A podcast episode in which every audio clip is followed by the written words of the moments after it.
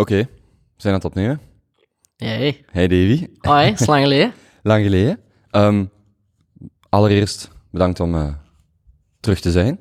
Bedankt ook voor die eerste, of ja, voor de tweede aflevering eigenlijk, die van een paar weken geleden. Mm, back to you to popular demand. We hebben daar, ja, ja, we hebben daar eh, heel wat positieve feedback om gekregen. Ik heb, eh, wat voor mij ook leuk was, is dat mensen die aflevering hebben beluisterd en dan zeiden, ah ja, je hebt een podcast waar je lange babbels deden. En dan was die van u wel direct, voor veel, allee, voor- dat was mijn aanvoelen voor veel mensen een toffe intro zo. Ja, Van, ah, we gaan eens naar Davy luisteren, het gaat eh, over kijk gaan en uiteindelijk ging het al anderhalf uur over, over allerlei dingen behalve koken. kijk. 90% van het gesprek. Ja, over koken, over huwelijksreizen, eh, wijn. Ja. Maar we willen vandaag, of dat was misschien de vraag, om vandaag specifiek eens over kijk te babbelen. En ik heb er, eh, ik denk voor, voor de luisteraars dat ze ook een idee hebben, misschien dat we eerst beginnen bij wat kijk is, van waar het komt, wat, wat jullie, jullie plannen zijn. En dan eh, het tweede deel zou dan zijn, of bestaan uit wat jij eigenlijk in die periode in San Francisco geleerd hebt en hoe je dat vandaag eh, hoe je die dingen, of misschien de fouten van eh, uit het verleden, of de lessen uit het verleden, ook vandaag op kijk probeert toe te passen. Die, twee, die twee dingen. En vul mij gerust aan. Misschien nog even hier beginnen. We hebben in onze laatste babbel, dat was aflevering 67, hebben wij ook een stukje over kijk gesproken. Maar we gaan gewoon doen alsof we het daar nog niet over hebben gehad. En dan moeten luisteraars maar zelf filteren Ja. eh, of het dubbel is of niet. Maar dat dit de aflevering is, ehm, ja, waar dat kijk. Dus bij onze vorige aflevering gewoon het laatste half uur doorspoelen en dan is het Ja. ja, ja. Dan, eh, want het is, het is misschien dubbel. Ik, ver, ik herinnerde mij, en dan ga ik, ga ik u laten overnemen. Jij vertelde over de Mongol Rally die jij met Maten hebt gedaan. Je Mhm. kwam daarvan terug, of misschien al op die Mongol Rally. Dat op een bepaald moment de, of dat dat proces van een nieuw bedrijf starten of iets nieuws te doen, dat dat terug opkwam. En dat je toen hebt gekeken van wat zijn, welke markten of welke sectoren voldoen aan ehm, daar waar ik wil ondernemen. En één was dan een, een Europese sector, of een sector Mhm. waar je gemakkelijk iets eh, Vlaams of Belgisch zou kunnen uittesten, maar ook direct kunt exporteren naar de rest van de Europese Unie. En eh, dan twee, een sector waar je ook eh, effectief met uw expertise een verschil kunt maken. En dan kwam je eigenlijk vrij snel bij de bankensector. Ja, iets, allee, er waren een paar criteria. Het was ehm, iets wat ik graag op eh, Europees niveau vrij snel zou kunnen uitrollen. Eh, iets wat groot kan worden vrij snel. Eh, dat is niet noodzakelijk hetzelfde. Ehm, het moet kunnen schalen over een groter gebied uit, maar groot worden in de zin van, ja, hier zit een groot marktpotentieel achter. Dan ehm, nog een criteria was iets in een zwaar verouderde sector, waar wel nood is aan wat innovatie. Eh, en dan de allerlaatste criteria was eh, iets wat een impact heeft op een gewone medemens, quote-unquote. Iets wat, Ja, niet Als- like Spark Central, waar het vooral B2B was. ja, en ook eh, geen marginaal verschil creëren. Dus, ehm allee, dat klinkt negatief, dat is niet de bedoeling. Gewoon, als jij, bij, bij, bij mijn vorige bedrijf hadden wij bij sommige bedrijven echt wel zwaar een impact op gebied van kosten, bottomline, eh, efficiëntie en dergelijke. Eh, maar naar een individuele consument zegt dat niks. En eh, in Amerika heb ik veel gewerkt met Uber en Dropbox en Netflix op executive niveau zelf. En om daar te zien wat de gemiddelde medewerker binnen die bedrijven, hoe dat zij kijken naar hun job en naar het product dat ze aan het bouwen zijn, dat is iets wat impact heeft op hunzelf. Mensen die bij Netflix werken, kijken thuis ook Netflix. Hè.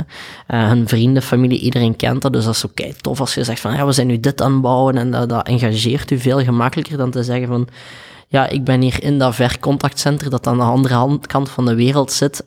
eh, eh, tijdsoptimalisatie van twee seconden per klanteninteractie aan het verbeteren. Ja, voor, voor een consument zegt dat niks. En, eh, dus ik had echt wel zoiets van, ik zou graag iets eh, in de, de B2C-wereld doen.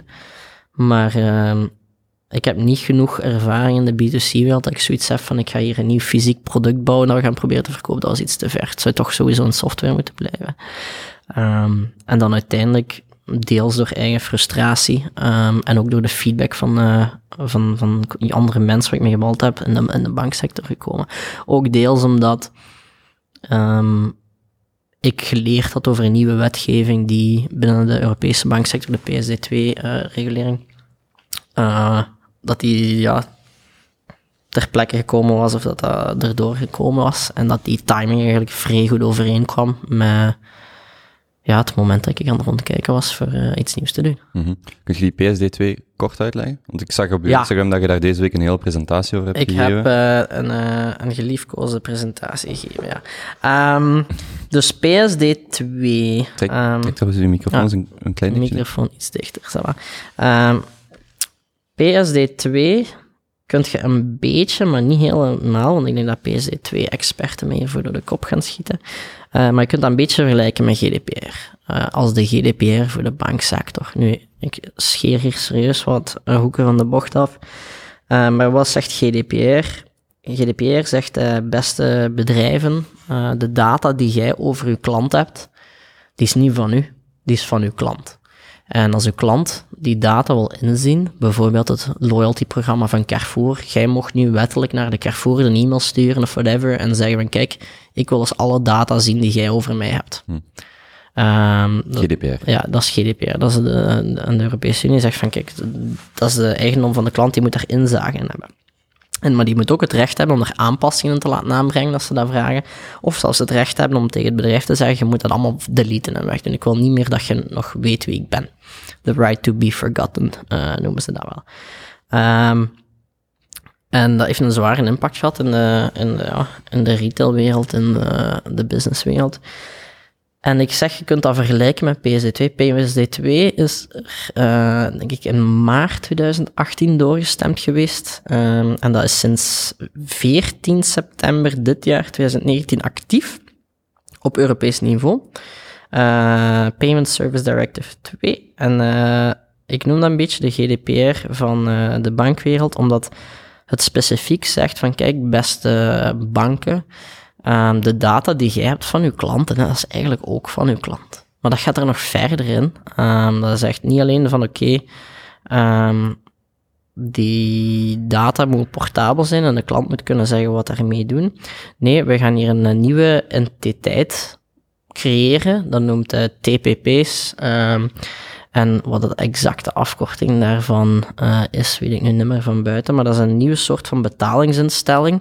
Uh, wacht, hè, een trust, a third-party payment provider, denk ik dat is, dat dat de officiële term is, maar uh, het kan misschien één woordje van fout zijn.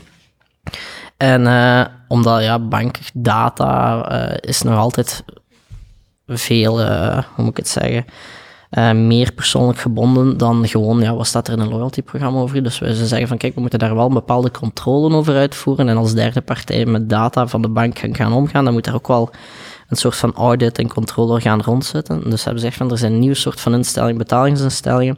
En als die de juiste licentie hebben van een nationale bank in een van de Europese landen, um, dan kan een consument toestemming geven aan die third party om hun bankdata in te lezen bij de bank. Dus in praktijk kan uh, een consument zeggen van kijk, uh, KBC geeft al mijn transactiedata door aan dit bedrijf. Mits, dat, mits dat dat bedrijf de juiste licentie En Kijk is een van die third party. Uh, dus dat is het eerste stukje daarvan. Uh, we hebben in juli dit jaar, 2019, een licentie gehaald bij de Nationale Bank van België.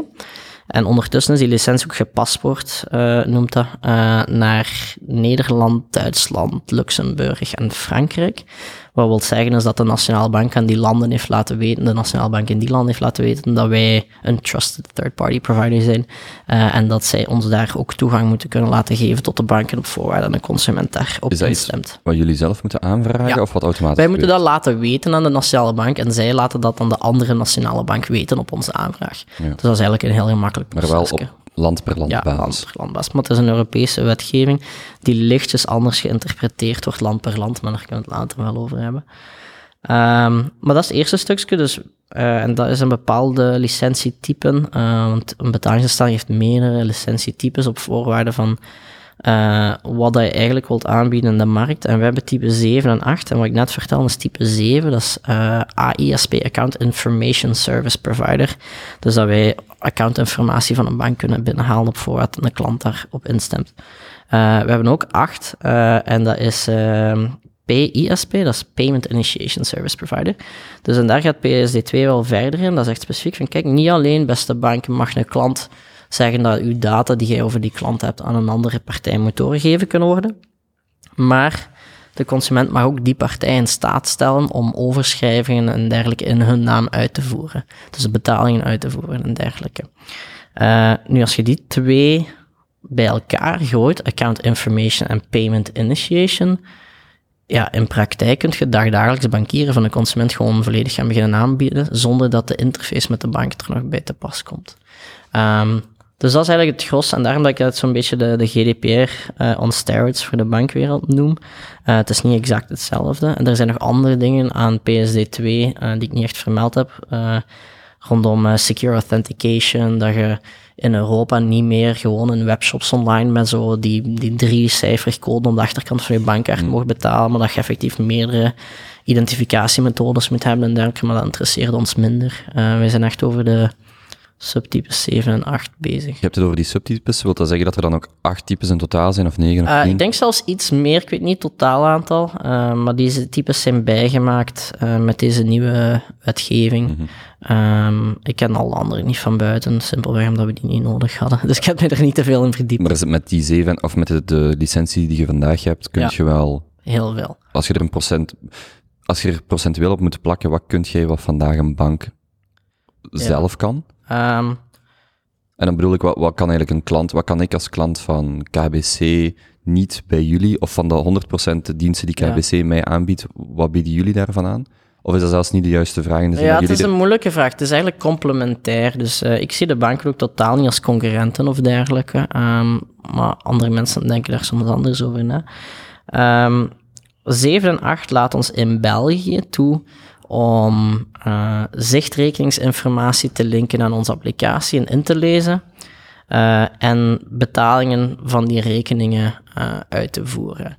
In België is er door de lobbymachtes besloten dat spaarrekeningen daar niet onder vallen.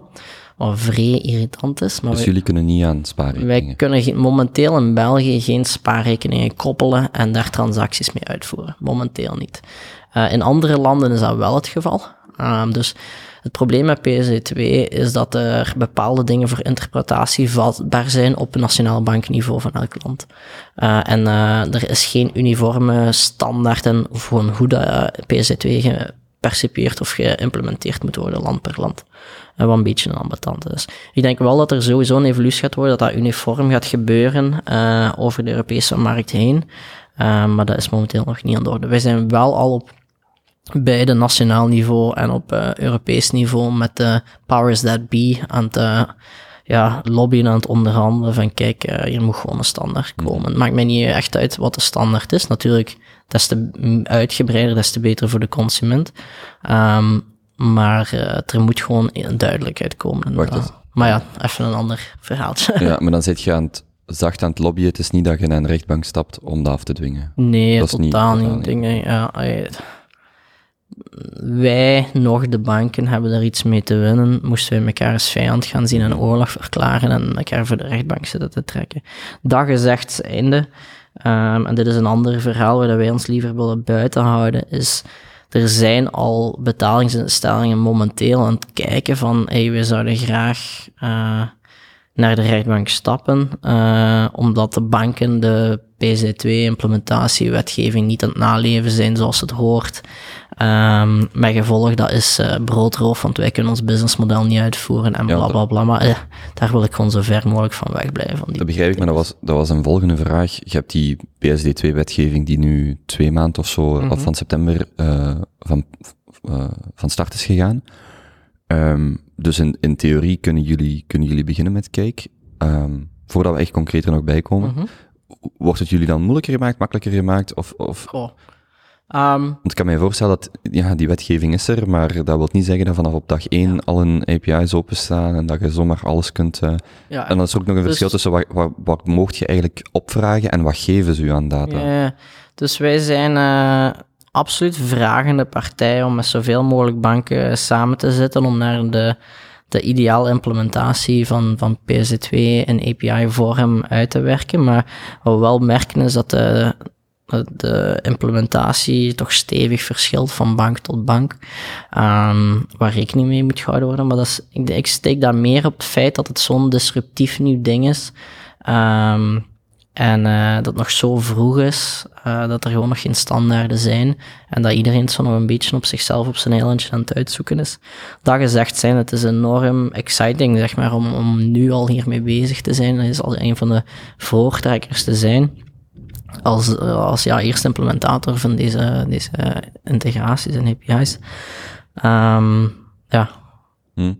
Ik, ik weet niet of ik het bij u heb gezien of, of ergens in een presentatie, maar het ging over dat hoe dat um, in, in, zelfs in de hardwarewereld, maar zeker in de softwarewereld, je eigenlijk een, waar je vroeger um, een internetbedrijf had zijn, zijn eigen serverpark, zijn eigen hosting en mm -hmm. en zo verder. Dat is eigenlijk allemaal aan het evolueren naar cloud-infrastructuur met dan de, de AWS en, en, ja. en Azure en wat dan nog.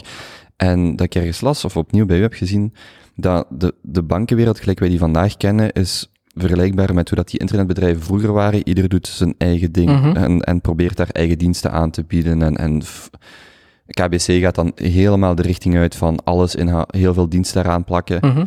Maar dat die banken eigenlijk ook veel meer zouden evolueren naar een, naar een cloud model waarin dat zij absoluut de basisdiensten verlenen, namelijk je kunt een zichtrekening aanmaken, mm -hmm. uh, of je kunt daar je geld zetten en je hebt die depositogarantie, uh, uh, wetgeving en dergelijke maar dat daar dan een nieuwe laag van bedrijven op wordt gecreëerd, gelijk de SaaS-bedrijven die mm -hmm. op, de, op, de, de op de hostinglaag gaan creëren.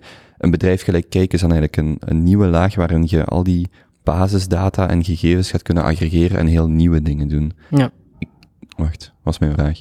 Die, dat, daar, dat dat de evolutie is van we zitten vandaag bij een bank en die bank doet alles versus over tien jaar is die bank louter een dienstverlener van basisinfrastructuur, ja. gelijk, een, gelijk een cloud-platform dat vandaag is. En het is aan een nieuwe laag aan bedrijven om daar dan producten of diensten op te bouwen. Ja, dus um, ik heb vorige week maandag, denk ik, uh, of dinsdag, uh, daaromtrent met die opinie, zeg maar, uh, in, in de, morgen. de, morgen. gestaan. Ja, dat was het. Uh, en ik denk uh, um, de originele titel, maar die is dan niet gepubliceerd geweest, was, um, als ik me niet vergis, um, wacht hè, de bank na de wereld van morgen of zoiets. ik ben nu even aan het blanken. maar uiteindelijk kwam erop neer van, kijk, en dit is puur mijn persoonlijke opinie, dus uh, ik zeg niet dat dat zo gaat worden, maar ik zou het liefst zo zien. Vandaag, als je naar de bankwereld kijkt, zeker met de negatieve interest, de basisproducten van bankieren staan zwaar onder druk. Um, allee, vandaag uh, sparen, dat brengt niks meer op. Dat kost eigenlijk een bank gewoon veel geld, omdat ze het moeten gaan parkeren op uh, Europees niveau. En daar moeten ze negatieve interest op betalen. Bepaalde producten, zoals verzekeringen en dergelijke, brengt nog wel op. Um, maar uh, ja, het is een model dat zwaar onder druk staat. Nu met nieuwe wetgevingen, met externe spelers, met de Alibaba en de Google ook, die zich achter het hele financiële wereldje beginnen smijten, is dat zwaar onder druk. En mijn mening, mijn bescheiden mening, is dat er twee extreme richtingen zijn waar dan bank uh, naartoe kan gaan. Eigenlijk zijn er drie, maar de derde is niet viable. De derde is gewoon kop in het zand steken en hopen dat de wereld niet verandert. Maar hij is al aan het veranderen. Uh, dat is niks doen. Uh, dat gezegd zijn, er zijn banken die dat aan het doen zijn, die niks aan het doen zijn. de eerste is van, kijk, wij gaan hier een, een, een, soort van platformstrategie opzetten, waar dat wij ons zien als het banking platform wij gaan alles integreren en wij gaan de one-stop shop voor worden naar consumenten voor alles wat met banken te maken heeft. Dus dat je van infrastructuur naar eigenlijk alles wat met bank te maken komt, dat je dat gewoon gaat aanbieden aan de consument. En daarbovenop nog, met dat de hele bankwereld aan het digitaliseren is, wij ook de beste digitale interface gaan aanbieden, alle beste uh, digitale producten en gewoon, ja, alle, alle consumenten moeten bij ons zitten als bank. Uh, wij bieden alles aan.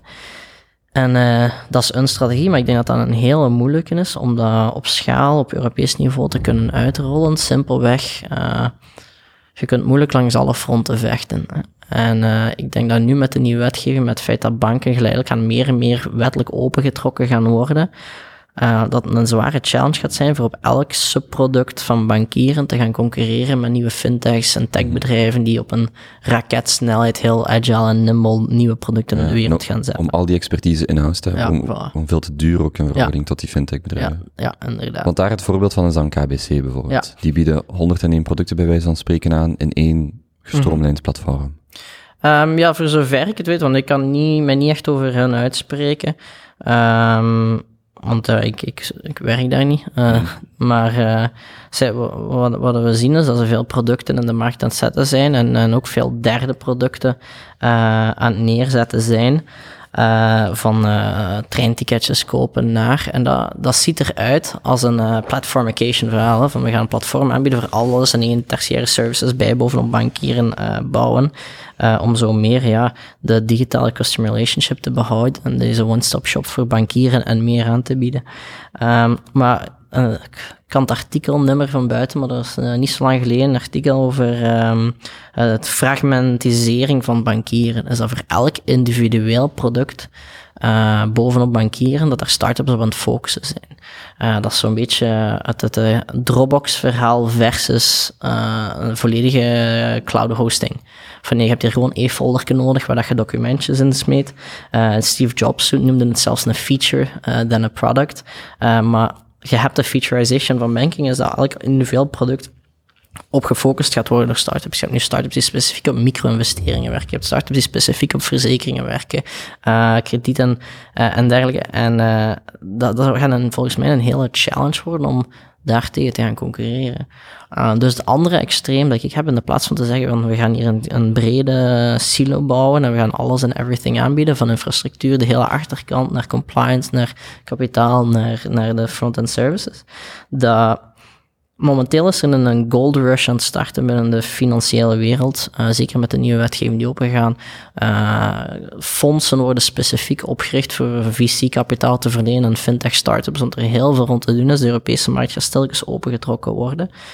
Uh, denk ik dat het in mijn mening beter is om uh, de ja, de, de Amazon AWS van banking te bouwen. Dus als het een gold rush is, is het beter van spades of schoppen te verkopen dan zelf achter goud te gaan jagen. Uh, waar, waar dat ik naar uitkijk is um, naar, naar een bank die zichzelf uh, niet gaat positioneren als de concurrent van al die fintech startups en daartegen proberen op te bokken, maar, boksen, maar echt de enabler. Uh, ik kijk uit naar de eerste bank die opstaat en zegt van kijk, wij hebben hier niet gewoon de implementatie van PSD2. Hè, maar wij hebben hier effectief een volledige infrastructuur waarmee dat je eender welk bankproduct kunt aanbieden met moderne, proactieve hmm. API's. Uh, en je kunt in principe een, uh, onze infrastructuur nemen en daar een volledig nieuwe banking app bovenop bouwen, zonder dat wij er zelfs iets uh, frontend mee te maken hebben. daar ben ik een beetje naar aan het uitkijken vandaag ik weet niet wat exact uh, uh, hoeveelheid is, maar ik heb zo het gevoel dat de helft van het internet op Amazon services draait. Het zal iets minder zijn.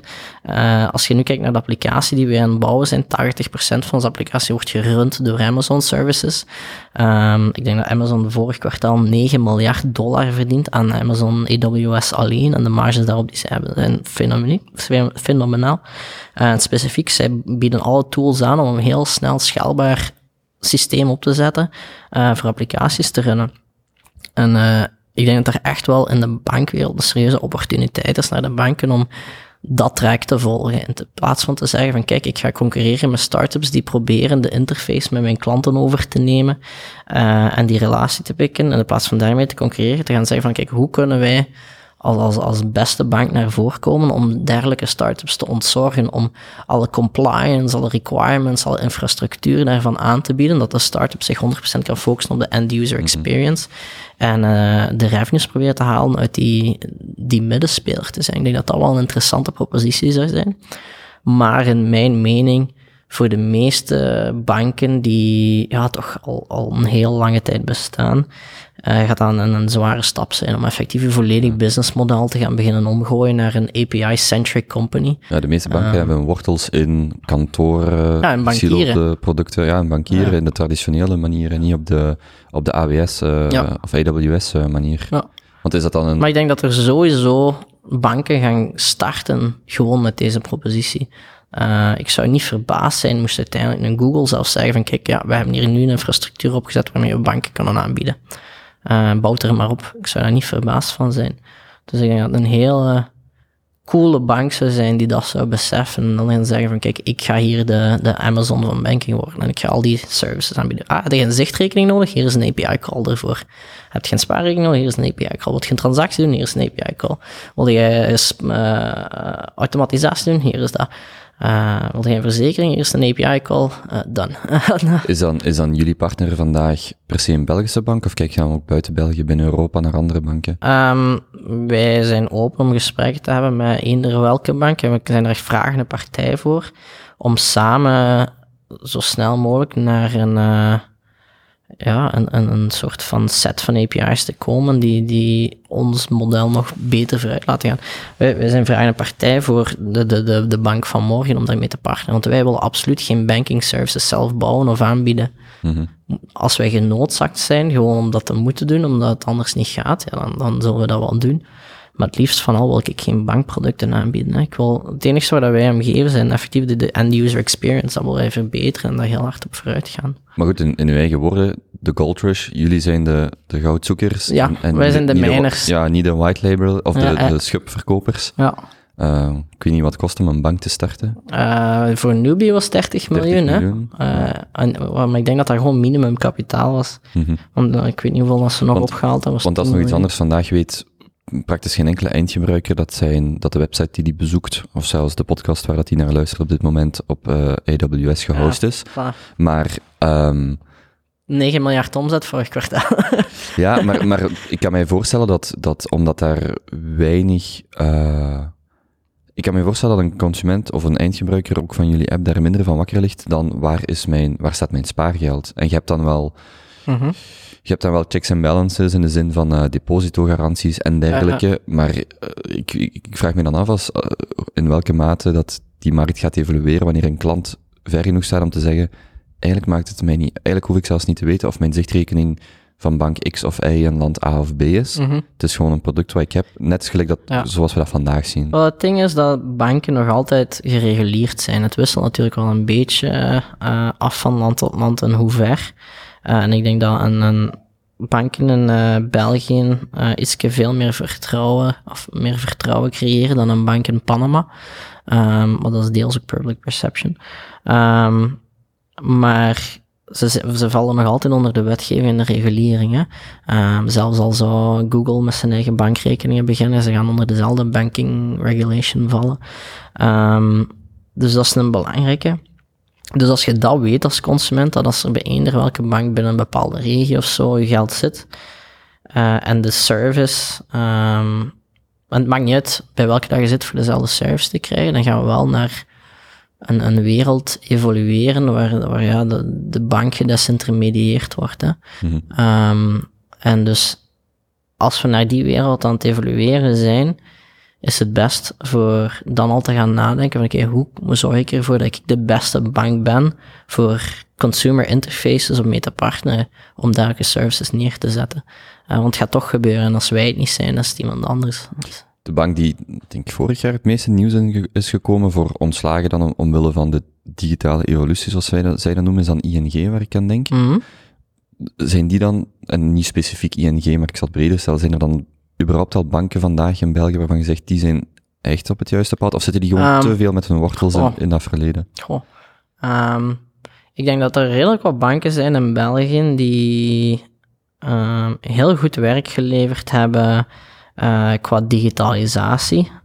Ik denk dat er bij redelijk wat ook nog wel werk te doen is. Maar allee, het is een serieuze omwenteling.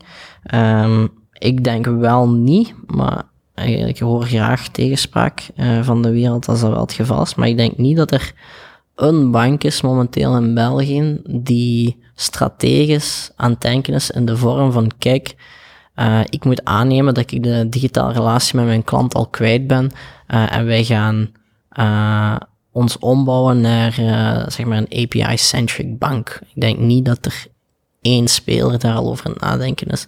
Maar opnieuw, ik ben geen vlieg in eh, de boardroom van, eh, van de banken, maar... eh, ik denk wel dat er een enorme opportuniteit is. Als je geld erop moet zetten, is de kans groot dat er een, een Google of een Amazon daar concreter of verder in staat dan misschien een traditionele bank. Ja, ja, maar als je altijd gaat afvragen van, kijk, um, ik ga dit niet doen, want misschien is iemand anders ermee bezig, dan gebeurt er niks, hè. Uh, mensen vragen dat ook. Zeg, Dave, je bent nu een uh, interface bovenop de banken aan het bouwen. We kunnen ze misschien eens uitleggen wat we effectief aan het doen zijn, maar goed. Um, heb je geen schrik dat Google uh, dat gaat doen? Of dat Apple Pay is nu ook met allemaal dingen bezig. Ik zeg, ja, maar als ik daarop moet gaan wachten, uh, dat kunt je over eender was zeggen. Hè. Um, je moet dat gewoon doen. Hè. Ik, denk, ik denk dat de opportuniteit er is. Dus.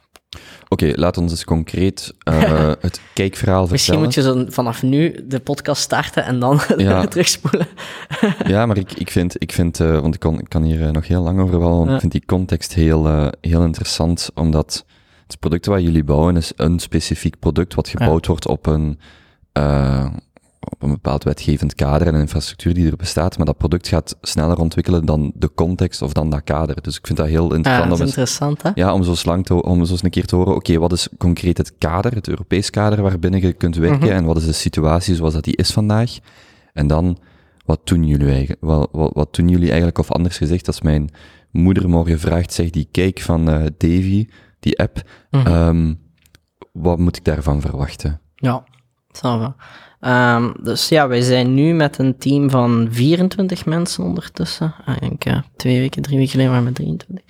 Uh, een uh, jaar, dik jaar bezig met het bouwen van Cake. Um, en Cake gaat, het is, het is vertraagd met een maandje, het gaat nu in januari uh, lanceren op de Belgische markt, initieel, waar dat wij onze product market fit uh, en onze interesse van de markt gaan proberen te bewijzen.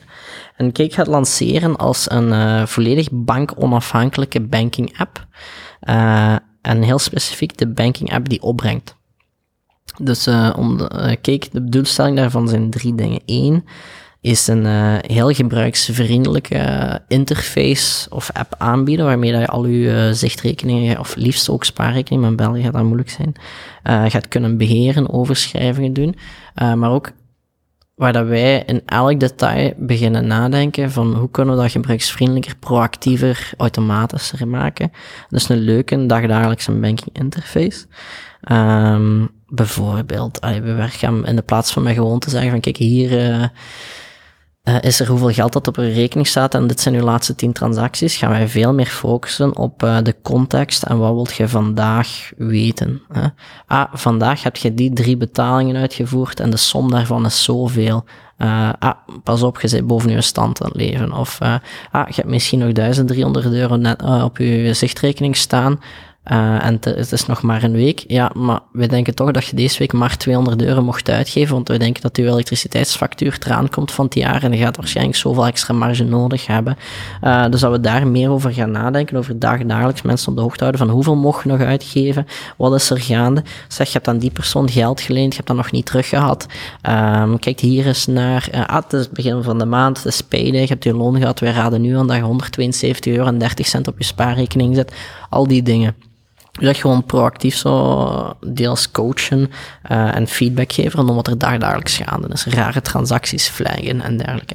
We gaan er echt wel ver in gaan. Wij willen zelfs kunnen zeggen van kijk, uh, jij bent hier net op restaurant geweest. Je hebt in dat restaurant in Centre de Pazzo hier in uh, Antwerpen Centrum uh, lunch gaan eten. met hoeveel mensen was dat? Want dat is wel hoog vergeleken met de gemiddelde hoeveelheid dat mensen op dat restaurant tijdens een lunch uitgeven. Uh, dus dat we echt al ver gaan gaan in, uh, in data-analyse. Uh, om mensen ja, hyperpersoonlijk context te geven rondom hun dagdagelijkse financiën en inkomsten. Dus dat is het eerste luik ervan. Gewoon of je veel gebruiksvriendelijker en proactiever in banking hebt. en heel specifiek die bank onafhankelijk.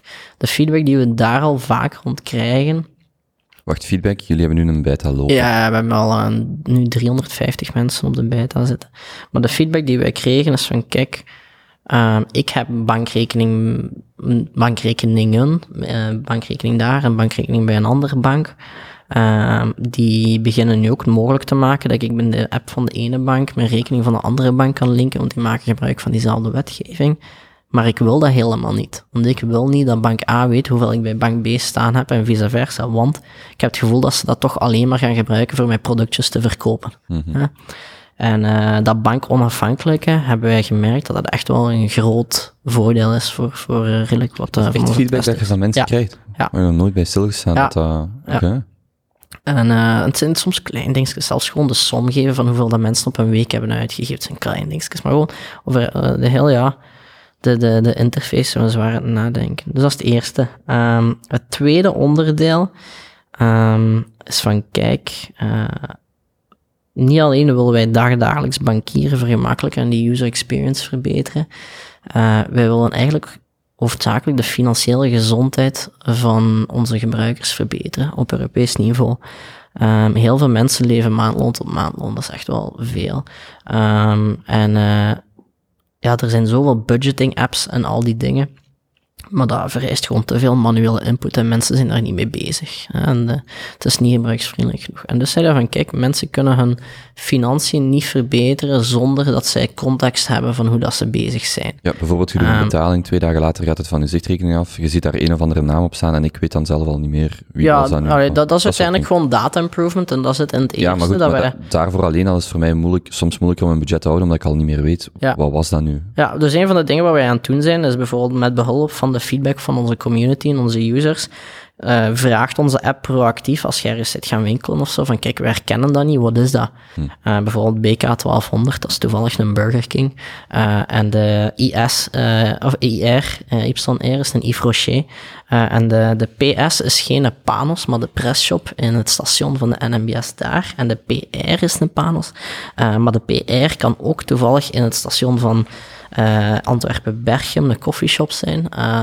dat zijn interessante dingen. Dus we zijn dat aan het mappen, dat we effectief weten van wat zijn de brands dat je gaat dan uitgeven, dat dat duidelijk is. Maar dat hoort eigenlijk bij het eerste stuk. Het tweede stuk is van, kijk, als we mensen willen hun financiën te laten beter beheren, dan begint dat met informeren. Hè? En dus we gaan heel veel uh, gaan kijken naar de data van onze gebruikers, volledig anonimiseerd natuurlijk, en die context teruggeven aan de gebruiker. We gaan mensen kunnen, niet alleen kunnen vertellen van kijk, jij geeft zoveel uit aan uh, groceries elke maand uh, en met iemand van uw leeftijd en uw inkomen en uw regio vergelijkt dat zoveel. Zo heeft jij heeft zoveel meer of minder uit. Uh, maar je kunt dat zelfs op, op locatieniveau. zeg je, een gemiddelde persoon die naar de Carrefour gaat, geeft daar zoveel uit per bezoek, jij geeft daar zoveel uit per bezoek. Gewoon mensen context geven. en doordat we die transacties aan het labelen en het identificeren zijn, kunnen we dat ook gaan doen. Um, en uh, dat, dat, is eigenlijk vrij interessant, omdat veel Europeanen, in bepaalde landen is dat minder, maar in België is dat heel zwaar, is mensen babbelen niet over geld. Hm. Uh, en als je niet over geld babbelt, weet je niet of je goed bezig bent of niet. En dus je kunt niet mensen hun financiën beter laten beheren als ze geen context hebben. Um, en dus dat is het tweede luik is, we gaan op lange termijn mapping gaan doen en, peer comparison gaan doen, anoniem, um, om mensen meer inzicht te geven in hun financieel leven. Uh, we gaan u vertellen van hoe lang het geleden is dat je opslag gevraagd hebt, oh, gehad hebt, en uh, om de hoeveel tijd mensen meestal opslag krijgen.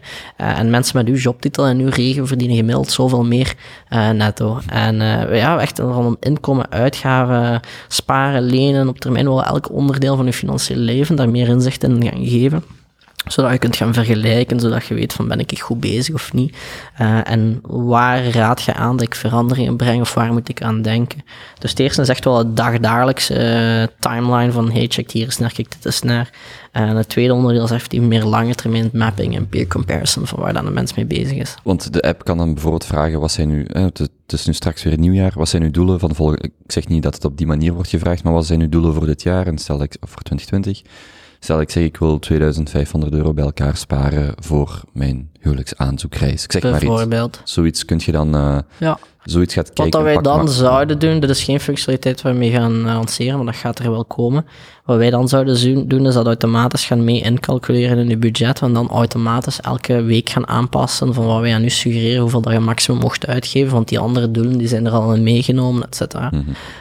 Um, en dat is veel belangrijker dan hoeveel staat er nu nog op uw, uw zichtrekening. Uh, hoeveel mocht je deze week nog uitgeven? Ik vind dat, hey, dat, dat is concreter, zeg maar. Mhm. Um, dat is het tweede luik.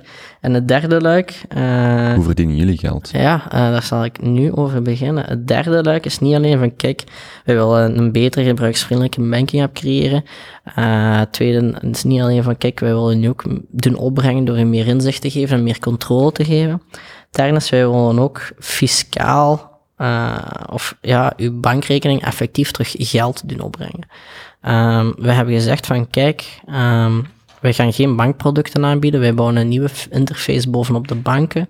Uh, wij zien het niet zitten als we massa bereik willen hebben om dan geld aan de consument te gaan vragen voor een nieuwe banking app te installeren. Ik denk niet dat er een grote massa is van consumenten die dat gaan willen doen. Uh, maar die data die daarachter zit, is enorm veel waard. En je hebt vandaag al veel gehoord over dat data zo'n nieuwe olie is en dat er uh, enorm veel waarde in zit. Um, en we hebben gezegd van, kijk, oké, uh, wat zou nu de enorm grote trigger zijn voor consumenten om die app te installeren? Langs de ene kant inzichten, langs de andere kant die, die coaching. Uh, maar zeiden van, hoe kunnen wij die data gebruiken, daar revenue uit creëren, en dan het grootste of een groot stuk van die revenue terug uitkeren aan de gebruikers, wat de data van komt. En dat we eigenlijk in uw naam uw data gaan vercommercialiseren in de markt. Um, maar daar wil ik wel heel concreet over zijn, is van kijk, wij geven niemand zijn data door, wij verkopen geen data door. Uh, wij gaan op vier verschillende manieren de, de bankrekening terug proberen doen op te brengen door analyse en dergelijke aan de markt aan te bieden. Dus bijvoorbeeld, um, wij kunnen een contract uit, afsluiten bij een grote retailer uh, en uh, daar kunnen we aan die retailer vertellen van kijk, over de gebruikersgroep van Cake heen uh, zoveel procent van klanten die bij u komen, gaan ook bij concurrenten. Uh, dit is het marktaandeel van jou tegenover je concurrenten real-time wat er uh, bezig is. dus vandaag, retailers betalen enorm veel geld aan onderzoeksbureaus en dergelijke om te weten hoe dat ze tegen hun concurrenten aan het doen zijn en dergelijke. Maar dat gebeurt vaak via panels en bevragen en dergelijke. zelf gerapporteerde data, want die consument die in die panel zit, kan even goed liegen. Um, je mocht hier op de, op, de, op de meer van Antwerpen gaan staan en mensen gaan beginnen vragen hoe lang het geleden is dat ze bij de Zeeman zijn gaan winkelen. Daar gaat gelogen worden. En uit financiële data kun je dat geanonimiseerd perfect eerlijk af gaan leiden. En in de plaats van dan veel geld te betalen aan een onderzoeksbureau die daar mensen op moeten zetten, die dan een paar weken of een paar maanden later terugkomen met een antwoord, gaan we gewoon real-time kunnen zeggen van kijk, ah, het gemiddelde uitgavenbedrag bij de Carrefour is zoveel momenteel en tegenover bij de Colruyt is zoveel meer of zoveel minder. Uh, eh, 20% van de klanten gaan ook zo vaak daar winkelen, et cetera, et cetera. Um, en in ruil rekenen we daar gewoon een subscription fee aan. En dan elke maand gaan we aan elke gebruiker die in die datapool zat om die rapporten te creëren een procent van onze omzet teruggeven. Ja, dus bijvoorbeeld een bedrijf wil een nieuw filiaal openen en is echt erg geïnteresseerd in uh, in welke wijk wordt het meeste uitgegeven. Ja, we zijn aan, het overwegen van in die regio een nieuwe fastfoodketen te openen. Kunt jij mij eens een keer zeggen hoeveel, uh, met extrapolatie of gewoon zo, hoeveel dat mensen gemiddeld in die specifieke ketens en winkels in die regio uitgeven uh, en hoe dat vergelijkt met andere regio's. Dus dat zal een idee kunnen hebben van de, presteren die het goed of niet goed. Mm gewoon volledig afgeleid van de transactiedata. Is dat ook niet data die banken vandaag al kunnen aanbieden? Ze hebben dat, ja, maar ehm, daar is nog niet zoveel rond gedaan. Ja, oké, dat is een markt die open ligt. In mijn mening wel. Of die nog aan het groeien is. Die is aan het groeien, aan het opstarten. Uh, ik weet wel dat bepaalde banken nu al aan hun consumenten uh, aan het vragen zijn van mogen wij uw data uh, gebruiken om uw quote-unquote gepersonaliseerde service aan te bieden. En dan de kleine lettertjes staat als ze uw datarapportages gaan doorverkopen. Dus dat zij er nu ook mee aan het spelen zijn. maar daar wordt belangen niet zo transparant over gecommuniceerd. Mm ik weet dat er al redelijk wat experimenten rond geweest zijn, um, maar het zijn nieuwe modellen. Dus uh, ik denk dat dat echt nog wel, dat er ruimte is voor een speler zoals ons die een nieuw businessmodel op de bankdata legt. En zeker die dan ook zijn, zijn inkomsten durft te delen uh, met de gebruikers waarvan de data komt. Uh, ik denk dat er sowieso veel transactieanalyse gedaan wordt door de banken, maar ik denk dat er nog nooit een consument aan verdiend heeft. Ja. En dat willen we omdraaien.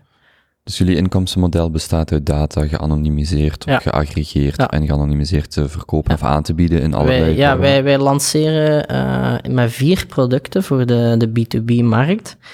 Uh, het eerste is marktanalyse. Dus dat merken hun positie in de markt kunnen meten tegenover hun concurrenten, gemiddelde uitgavenbedragen, welke winkels goed doen tegenover welke andere. Um, bijvoorbeeld, je zet een kledingketen, je hangt Brussel Centrum vol met reclame voor uh, uw, winkels en uh, dat weekend zijn uw sales met 7% omhoog gegaan. Jij is het goed om te weten dat de sales van een concurrent met 8% omhoog gegaan zijn in die regio. Dus dat eigenlijk school weer was en uw reclame niks heeft opgebracht. Mhm. Ja, dus dat is specifiek. Wij geven niemand zijn individueel data door, maar die rapporten eruit. Het tweede is uh, uh, klantensegmentanalyse. Dat een bedrijf kan zeggen van ik zou eigenlijk meer willen weten over patronen van mijn klantenbestand. Dus niet opnieuw uh, individuele klanten, maar uh, bijvoorbeeld heel veel winkelketens, retailers weten heel veel over hun klant, toch wat die doet binnen hun winkels. Want veel mensen hebben klantenkaarten. Uh, en dus een, kledingwinkel kan vaak al weten van kijk, wat de impact gaat zijn op een sale van een specifieke pul. Uh, als ze die prijs met 2 euro omhoog doen. Uh, en de impact van de solde. En hoe vaak dan de gemiddelde klant bij hun winkelt en voor welk bedrag. En dergelijke. Soms ook wat een gezinssituaties. Of dat ze een e-mails open doen of niet. Maar voor het moment dat die klant buiten wandelt, dan weten ze niks. Ja? En wij zeggen van, kijk, wij willen licht schijnen op wat er gebeurt rondom uw winkel. Uh, bijvoorbeeld een gemiddelde uh, klant van één winkelketen, uh, ze geeft gemiddeld zoveel uit als hij dit inkomen heeft. Hè? Dus uh, ook geanonimiseerd over zoveel honderden of zoveel duizenden bezoekers. maar gemiddeld geeft hij twee keer zoveel uit in het uur erna bij uw concurrent. Hm. Dus dat is een vrij interessant. Dus uh, hoeveel percentage van de wallet van je eigen klanten heb je eigenlijk? Waar kun optimalisatie gaan beginnen uitvoeren? Um, en dergelijke. Dus opnieuw, dat is volledig geanonimiseerde klantensegmentanalyses. Het is misschien heel interessant te weten om te kijken van wat is het patroonsverschil tussen klantengroepen die bij mij meer uitgeven dan klantengroepen die bij mij minder uitgeven. Wat zijn merken waar dat, van, van retailketens of zo, waar dat um, mijn klanten ook gaan winkelen, dat geen concurrenten zijn. Daar kunnen we misschien partnerships mee afsluiten, hè, om, om co-branding te doen of weet ik veel wat. En ik denk dan ook bijvoorbeeld um, aan iets zoals een H&M weet, pak, of, een, of een Zara weet het uitgavenpatroon um, van kledij, maar dan heb je de H&M en de Zara Home. Dan is het wel interessant voor hen om te weten wij weten wat een klant aan kleding bijvoorbeeld uitgeeft, maar wat geeft een klant eigenlijk aan interieurartikelen uit? Bij welke andere winkels moeten wij daar, ja. Moeten we ze lokken met de kleren of moeten we ze lokken met de interieurinrichtingen? Dat soort dingen bijvoorbeeld. bijvoorbeeld. Ja. dus daar kunnen we echt heel veel interessante dingen uithalen. Um, en uh, we hebben daar een cool businessmodel rond gecreëerd, is dat die partners um, voor die analyse te doen, gaan we daar, daar contracten mee afsluiten, dat de prijs bepaald wordt door, eh, door, door het aantal uh, klanten die gaan mee in het uh, databestand zitten voor die rapporteringen te kunnen creëren. Uh, en wat het daaruit komt, is dat wij voor elk klantenbezoek bij, waar dat ze geld uitgeven, bij een van onze partners, de klant onmiddellijk een reward terug gaat krijgen. Dus dat je een soort ja, on-the-spot cashbacks gaat krijgen de moment dat je in een winkel van onze partners buiten wandelt. Uh, en in ruil wordt die data van de consument dan mee opgenomen. Cashback. En die Geen vouchers of zo? Nee, gewoon straight cash in your bank account. Oké. Okay. Um, en dus dat is wel leuk. Dus uh, ja, op die manier gaan we de bankrekening doen opbrengen, terwijl dat je, je ja, identiteit, je privacy nog altijd volledig gerespecteerd wordt. Heb je enig idee van een inschatting van wat het een klant, een, een consument kan? Ah opbrengen? Wij willen, dat is ons ideaal, van dat minimum naar 5 euro de maand te brengen. Um, ik denk niet dat we daar in eerste fase aan gaan geraken, simpelweg omdat we veel retail partnerships en dergelijke nodig hebben uh, om, om dat te doen. Um, maar dat, dat, is wel ons ideaal, uh, om daar naartoe te gaan. Uh, ik heb zoiets van, kijk, ik wil op zijn minst de kosten die mensen hebben aan een bankrekening te, te niet kunnen doen, maar liefst veel verder gaan daarin. Mm -hmm. ja bijvoorbeeld. En dat zijn, uh, daar, daar gaan we constant nieuwe businessmodellen rond blijven opbouwen. Bijvoorbeeld een derde waar dat we nu mee bezig zijn, wat echt wel cool is, is um, gelinkt aan een transactie, ook weer volledig anoniem, kan een bedrijf bijvoorbeeld vraagjes gaan stellen aan de consument. Uh, en als de consument daar beslist van daarop te antwoorden, door ene keer op een antwoord te klikken, super simpel, uh, dan gaan ze misschien tussen een halve euro en een euro op een bankrekening krijgen. Uh, dus zo kan bijvoorbeeld een, een, winkelketen zeggen van kijk, geef van een segment van klanten die meer uitgeven bij mijn concurrenten dan mij, maar toch elke maand bij ons komen, ga ik vragen van wat koop je gemiddeld bij mijn concurrenten dat je bij ons niet vindt. En dus dan kan dat bedrijf een rapport terugkrijgen van ons. Kijk, we hebben hier uh, eh, 300 gebruikers gehad van, van Cake, die gemiddeld meer uitgeven bij uw concurrenten. Uh, en uh, zij zeggen voor 70% dat zij kinderschoenen missen. Mm, en dat is super interessant. En dus de moment dat de consument daarop antwoordt op zijn vraag, dan gaat hij automatisch cash op zijn rekening krijgen. En krijgt de, de retail eigenlijk veel specifieker, gedetailleerder uh, marktonderzoek uh, tegen een fractie van de kosten van onderzoeksbureaus, terwijl dat ze eigenlijk meer uitbetalen per individuele gebruiker. Uh, dus dat, dat, dat, is ook een hele coole. We denken dat we door dat alleen al tot een anderhalve euro per maand per gebruiker kunnen gaan genereren. Natuurlijk op voorwaarde dat je ook transacties doet. Als je nergens gaat winkelen, dan ja, dat mm. gebeurt. en dan de laatste, dat is echt de coolste, waar dat wij mee gaan lanceren, is we gaan het mogelijk maken voor uh, retailers om uh, proactief te zeggen dat bepaalde segmenten van hun bestaande klanten of potentiële klanten cashback krijgen als ze langskomen. Dus dat bijvoorbeeld retailer A kan zeggen van kijk, iedereen die in de laatste twee weken niet bij mij geweest is, maar daarvoor elke week bij mij kwam winkelen, um, die groep van mensen, als die de volgende keer dat die bij mij komen, krijgen die 5% cashback volledig automatisch. Je betaalt aan de, met uw kaart aan de kassa en automatisch zoveel minuten later krijg je van onze pushbericht. Dus je krijgt dan een berichtje van, kijk, of, of, of een notificatie van, dit is de cashback die vandaag geldt, specifiek voor u. Specifiek voor jou geselecteerd, zonder dat wij doorgeven aan die retailer wie dat, dat is. Dat is een heel belangrijke. Wij, wij beschermen privacy tot en met. Um, maar een retailer kan segmenten creëren en selecteren. Bijvoorbeeld iedereen tussen die en die leeftijd, die en die inkomstengroep, uh, heeft in de laatste periode niet of wel bij mij gewinkeld. Uh, dus je kunt verschillende, je kunt op retentie gaan spelen van per schijf van 100 euro dat mensen iets bij ons uitgeven, geven die 2 euro terug. Uh, en ja, consumenten een, een nieuw soort van loyalty-programma aan de markt te zetten. Uh, niet dat, er, oh, dat je overal puntjes moet zitten sparen waar je niet het gevoel hebt dat je er ooit iets aan hebt. Uh, maar dat je effectief beloond wordt om klant te zijn. en dat is laatste. En dat is een vrij coole, omdat dat... We, we, leven nog altijd in een wereld van puntjes sparen en bonnetjes knippen en, en al die zever. En hier ga je gewoon niks moeten veranderen. Je installeert een app op je gsm, je gaat winkelen, gelijk je altijd doet, je betaalt met je kaart, gelijk je altijd doet. Twee minuten later krijg je een bericht van dat je 4 euro verdiend hebt. Ja. Thanks. Hè? En dat is cool. Uh, en op die manier willen wij, ja, door goedkopere diensten aan te leveren, vergeleken met marktonderzoeksbedrijven en dergelijke naar de retailer, uh, meer waarde creëren bij de consument. Ja, of bijvoorbeeld, ik zeg maar een Albert Heijn dat zegt, als ik een berichtje of een notificatie krijg van, we gaan nu, ik zeg maar, een jaar lang 5% cashback geven. Als je een jaar lang elke week, één keer per week bij ons komt. Bijvoorbeeld. Eén transactie per week is genoeg. Ja. Dat gewoon in uw consument het hoofd ligt. Ah, mijn inkopen doe ik bij Albert Heijn. Ja. En of dat, al is dat één cola per week, of is dat daar, dat zal dan hun interniteit ja, wel afhangen. Maar dat je gewoon weet, oké, en dat is dan voor hen de meerwaarde van je bindt die klant aan nu op een manier dat je dat anders niet zou doen, omdat het direct, uh, mm directe cashback er is. Ja, inderdaad. Dus je kunt op reactivatie spelen, klanten die vroeger vaak kwamen, nu in één keer niet meer. Um, die het proberen terug te lokken met een reward. Je kunt zeggen van mensen die heel loyaal zijn, enkel bij ons komen winkelen, of het meeste bij ons komen winkelen, of elk zoveel bedrag bij ons winkelen, gaan we die belonen.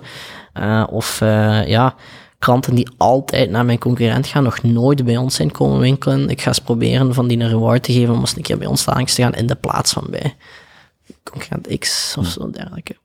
Is het, is het voor jullie interessant om de grote prijsbrekers, retailers en dergelijke, of zit er ook een markt in de, de, de meer luxe Overal. producten? Overal. Um, heel specifiek, het gaat hier over convenience. Uh, en uh, onze positionering is van, kijk, iedereen die vandaag geld betaalt aan de Googles en de Facebooks eh, van deze wereld, om advertenties in het gezicht van de consument te smijten, om ze te proberen naar hun te lokken, die kunnen beter dat geld teruggeven aan de consument. Uh, en uh, concreet meerwaarde geven dan een advertentie die gewoon zo snel mogelijk wilt wegklikken. Uh, en dus iedereen die de marge heeft om klanten te zoeken en de marketinggeld uit te geven, vooral die, die retailbedrijven, is dat interessant. Dus ik ben gisteren naar UGC geweest, een film gaan zien. Die zouden perfect kunnen zeggen, iedereen dat hier de laatste maand geweest is, die in de kerstperiode nog met minstens twee personen komt, die krijgt een ja, of zoiets. wij weten niet of je met twee personen komt, maar een minimumbedrag of ja, whatever, ja, dat is allemaal mogelijk. Je daar heel creatief mee omspringen. Ja, want een ticketje is 11 euro, dus iemand die 20 euro heeft uitgegeven aan de terminal of 22 euro. Ja, zo, dat soort dingen kunnen bedrijven dan gaan doen. Ja, ik kan bijvoorbeeld zeggen, ik creëer een campagne, iedereen die in de komende drie maanden naar de cinema komt uh, en voor minimum 20 euro uitgeeft, krijgt 2 euro terug, uh, of whatever dat bedrag is, dat ze zelf kunnen ingeven. Mm -hmm. En wij krijgen daar een percentje van. Hebben jullie uh, eigen bankkaarten? Cake-branded bankkaarten? Nee, wij willen dat liefst niet doen, tenzij we verplicht voelen. Ah. Dat toch, want ik, toch een van de successen van dan Cash of de Cash app uit de VS is dat zo die pikzwarte kaarten en Ja. dat mensen blij zijn om een cashkaart te krijgen. Eh, ja, ja. eh, maar zo heb je veel voorbeelden. Hè. Je hebt ook al die metalen kaarten en Revolut en al die spelers. Eh, maar ik, liefst wel zou ik geen, geen, geen nieuwe bankkaart en geen nieuwe eigen bankrekeningen aanbieden. Ehm, waarom? Het is niet onze bedoeling om te concurreren met de bank. Hè. En dat heb ik altijd gezegd van, kijk, wat is onze bedoeling als bedrijf? Onze bedoeling als bedrijf is de financiële gezondheid van de consument te verbeteren. Oké. Moeten wij daarvoor een bank zijn? Want dat, dat, dat vraagt gewoon heel veel mee met zich. En daar Ah, hebben wat, je, specifiek kunt gezegd, niet, nee. je kunt vandaag niet als kijk zijnde een bankkaart individualiseren. Daarvoor moet je Eh, een bank zijn. Ja, we kunnen dat eventueel wel via eh, tussen providers en dergelijke Hmm. card issuers, maar dat is niet ons interesse, tenzij we er effectief meerwaarde voor aan de consument kunnen aanleveren. Maar het liefste van al wil ik geen gewoonte, of geen businessmodel bouwen op een gewoonte dat er niet is. Vandaag, de consument wisselt zo goed als niet van bankrekening. Alleen zo de early adopters of mensen die ja, eigenlijk geen goede klanten zijn van de banken. Er zijn hier nog andere dingen rond, eh, dus neem niet aan dat dat de enigste zijn, maar goed. Ehm, en dus een hele grote challenge van de N26's en de Revoluts en dergelijke die hier op mainland Europa zitten, is van kijk, ze zijn specifiek aan het vissen in de pool van consumenten die vaak van bankrekening wisselen, of hele jonge mensen die een nieuwe bankrekening moeten hebben, ze hebben er nog geen. Hè. Maar eh, de waarde zit zich in een ander segment. Dus als je als bank services gaat aanbieden, dan moet je al ja, mensen overtuigen om van bank te wisselen, terwijl dat dan niet in de gewoonte van de mensen zit. Dus we hebben heel specifiek gezegd van nee, we willen een meerwaarde creëren bovenop eh, in complementariteit met de banken vandaag. En eigenlijk eh, meerwaarde creëren zonder dat mensen gewoontes moeten veranderen. Blijf met je bestaande bank, blijf je bankkaart gebruiken daarvan. Eh, en wij zor- zorgen wel dat wij u een betere app geven, die je gewoon moet installeren en het werkt. En je gaat nu meerwaarde krijgen die je ervoor niet had. Ja. De Revolut richt zich dan op een bepaald segment en dan zit je ineens 27, wilt je een hypothecair krediet. Ja, dan dat zeg is je, ah ja, nu moet ik toch van bank Toch weer een nieuwe bank. Ja, ja, en daarom blijven dan. mensen dan bij hun traditionele banken. Ja, Ja, en bouwen jullie bovenop. Ja, ja. Hoe, hoe zit dat nu qua timing? Dus jullie hebben een, de beta loopt nu met Mhm. 300, 350 tal Ja, gebruikers. de bedoeling was dat we er eh, te vrijdag nog eh 2000-ish eh, extra gingen uitnodigen. Eh, maar dat is dan uitgesteld naar vandaag. Eh, dus ik denk dat Sabiet gaat er eh, een mailing uit waar dat mensen hun gegevens kunnen achterlaten als ze mee op de beta willen. Dus vandaag 2 december, Ehm. het komt ook vandaag nog online dit gesprek, Ehm, Ah, cool. komen er 2000 mensen, Ja. of, of gaat de mail uit om er Ja. aan die 300 beta Ja, dus wij, sturen vandaag een mail uit naar iedereen die op onze wachtlijst zit. Mhm. Dus dat is denk ik nu een 7000 man ongeveer. ehm, die gewoon op hun website kick.app hun e-mailadres hebben achtergelaten. Eh, en die krijgen een e-mail van ons dat zegt van kijk, eh wilt je ons een beta testen die pas op vandaag nog zo goed als niets doet. Ehm, maar gewoon al om eh dataverrijking mee te helpen, een eerste sneak preview te hebben. Laat ons dan weten en dan krijg je een formuliertje dat je moet invullen. Moet je ons gewoon laten weten bij welke bank dat je zit en wat type van gsm je hebt. En dan eh, daaruit gaan we dan een selectie maken van een dikke 2000 mensen die dan de Cake-app in closed beta kunnen installeren. Waarom 2000? Eh, data. Dus eh, we hebben gestart met drie, du- 300 eh, beta-testers, omdat we hebben een extrapolatie gemaakt van hoeveel gemiddelde transacties er per gebruiker zijn. Eh, het is voor ons businessmodel reëel te maken en onze features uit te bouwen, hebben we minimum hoeveelheid data van transacties nodig, waar we de modellen op kunnen bouwen, verifiëren en dergelijke. En eh, we hebben er nu een tijdje 300 op gezeten gehad die al fantastisch feedback hebben gegeven van de applicatie. eh, ons hebben ze te helpen met identificeren van merchants en transacties en dergelijke. En nu hebben we beseft op basis van de extrapolatie daarvan, is om ons model heel sterk te krijgen, dat we er nog een dikke 2000 bij op moeten zetten.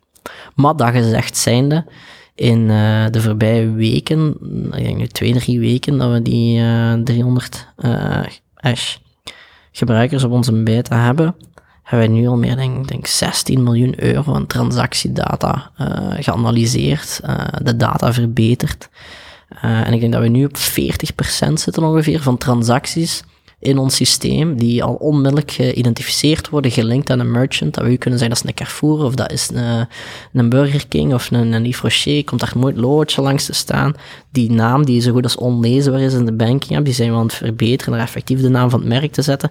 Eh, adres erbij, telefoonnummer, eh, maplocatie. Eh, en dan daarbij, en dat is een feature die ik volgende week lanceer, hoeveel dat je gemiddeld aan die retailketen uitgeeft elke week of elke maand en hoe dat, dat vergelijkt met anderen. Uh, dus dat alleen al, dat zijn we nu al mee bezig. Maar we, gaan, ja, we hebben een, uh, een dikke 2000 meer mensen nodig om dat sterker te krijgen. Ja, met die 2000 kun je dan van 40% gaan naar 60, 70? Um, nee, ik denk dat we eerder naar 50% gaan gaan daarmee, omdat dat, is, er, dat, dat ja, is niet exponentieel, hè, dat, dat rondaf, hmm. uh, per regio. Um, Wacht, wat bedoelt je met de regio? Vlaanderen. Ja, want elke, ja, Vlaanderen en België, elke regio heeft bepaalde retailketens. In sommige landen zijn bepaalde retailers niet en dan wel. Bijvoorbeeld Nederland heeft Gal en Gal. Niemand in België heeft daarvan gehoord. Mm -hmm. hè? Um, dus dat wisselt wel. Um, maar dat vlakt af, omdat een groot percentage van dagdagelijkse transacties, dat zijn salarisuitbetalingen, dat zijn uh, overschrijvingen naar vrienden, familie, et cetera. Ja, daar hangt geen merk aan. Dus we gaan nooit aan 100% geraken, want maar die kunt je geen toch merk. Ook, die kun je toch ook identificeren? Je kunt, je kunt er op termijn 100% van de ja, transacties ja, identificeren. Wel, dat is een 100% is ja. ideaal, maar er dichter aan. Dat is de, de goal. Uh, en identificeren wel, maar ik bedoel effectief identificeren in de zin van dat we er een merchant aan kunnen linken, een brand, et cetera. Uh, maar ons model kan moeilijk op voorhand weten dat een bepaalde transactie niet naar een brand is. Ja. Vandaar die 2000 extra ja. mensen. Ja, inderdaad. Alright. Um, ik, ik, wil nog, ik wil nog zeker babbelen over het stukje de, de lessons learned en, en mm -hmm. raad van bestuur en dat soort dingen. Ja. Maar, um, en het opgehaalde kapitaal. Um, maar is er concreet nog iets waar we over kijk moeten coveren, wat vandaag relevant is? Mm, ja, wij plannen nu in januari te lanceren. Uh, en dan... Heb je een datum? Ja. Goh, nee. We hadden al op twee keer een datum gezegd, maar omdat het zo fluïde is, we zijn ook super agile. Het is niet dat wij met deadlines werken of zo. Um, maar het zal ergens ja, midden januari zijn, realistisch. Okay. De eerste week van januari heeft geen zin, want mensen zijn met feestdagen bezig en dergelijke, dus uh, iets daarna. Um, en het hangt natuurlijk van de vooruitgang van de integraties met de banken af. Als we er nog meer resultaten van de test nu uitkrijgen, die misschien iets aantonen dat er ergens iets mis, mis zit of niet, ja, dan, dan moeten we dat aanpassen uh, as we go. Um, dat gezegd zijn, we kijken er echt naar uit om dat zo snel mogelijk naar de markt publiek te krijgen. Dus nu, de nieuwe, dus die, die, die mail gaat uit, daar komen 2000 beta-testers bij, een zestal weken nog. Mm -hmm. En dan ongeveer zou, zou, zou de app zo okay, klaar zijn voor de Voor lancering. de eerste lancering. Natuurlijk, dat gaat niet alle functionaliteiten hebben. Het gaat een eerste uh, groep functionaliteiten hebben. Sowieso veel meer dan wat we vandaag hebben, want vandaag doet de beta-app eigenlijk heel weinig.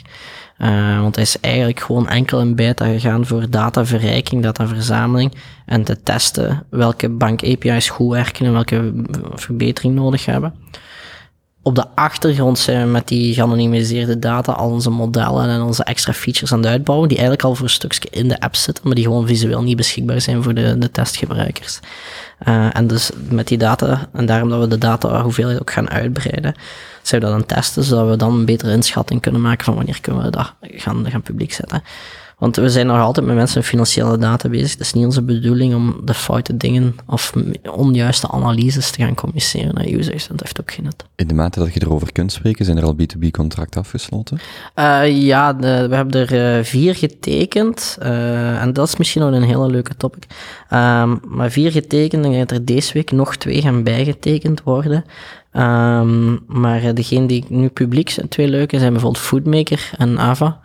Um, wat, wat, vrij cool is. Uh, ik denk dat ze ook bij alle producten die we aanbieden gaan meedoen. Uh, maar ik moet er nog exact uh, even afchecken intern. Um, maar ja, en er staan een paar heel grote gekende brands in België ook op, op programma om nog rond te krijgen voor het eind van de maand. Um, eind, eind december. Ja, eind, nog dit jaar rekent jij B2B, heb je dan een, een, een, een cijfer van zeggen we hebben zoveel bedrijven nodig om te starten, of we hebben zoveel bedrijven die geaccumuleerd zoveel omzet hebben, of zoveel marketingbudget, of... Nee, dus ik heb gezegd, uh, voor een gemiddelde gebruiker zou ik minstens één transactie per maand willen matchen met een reward.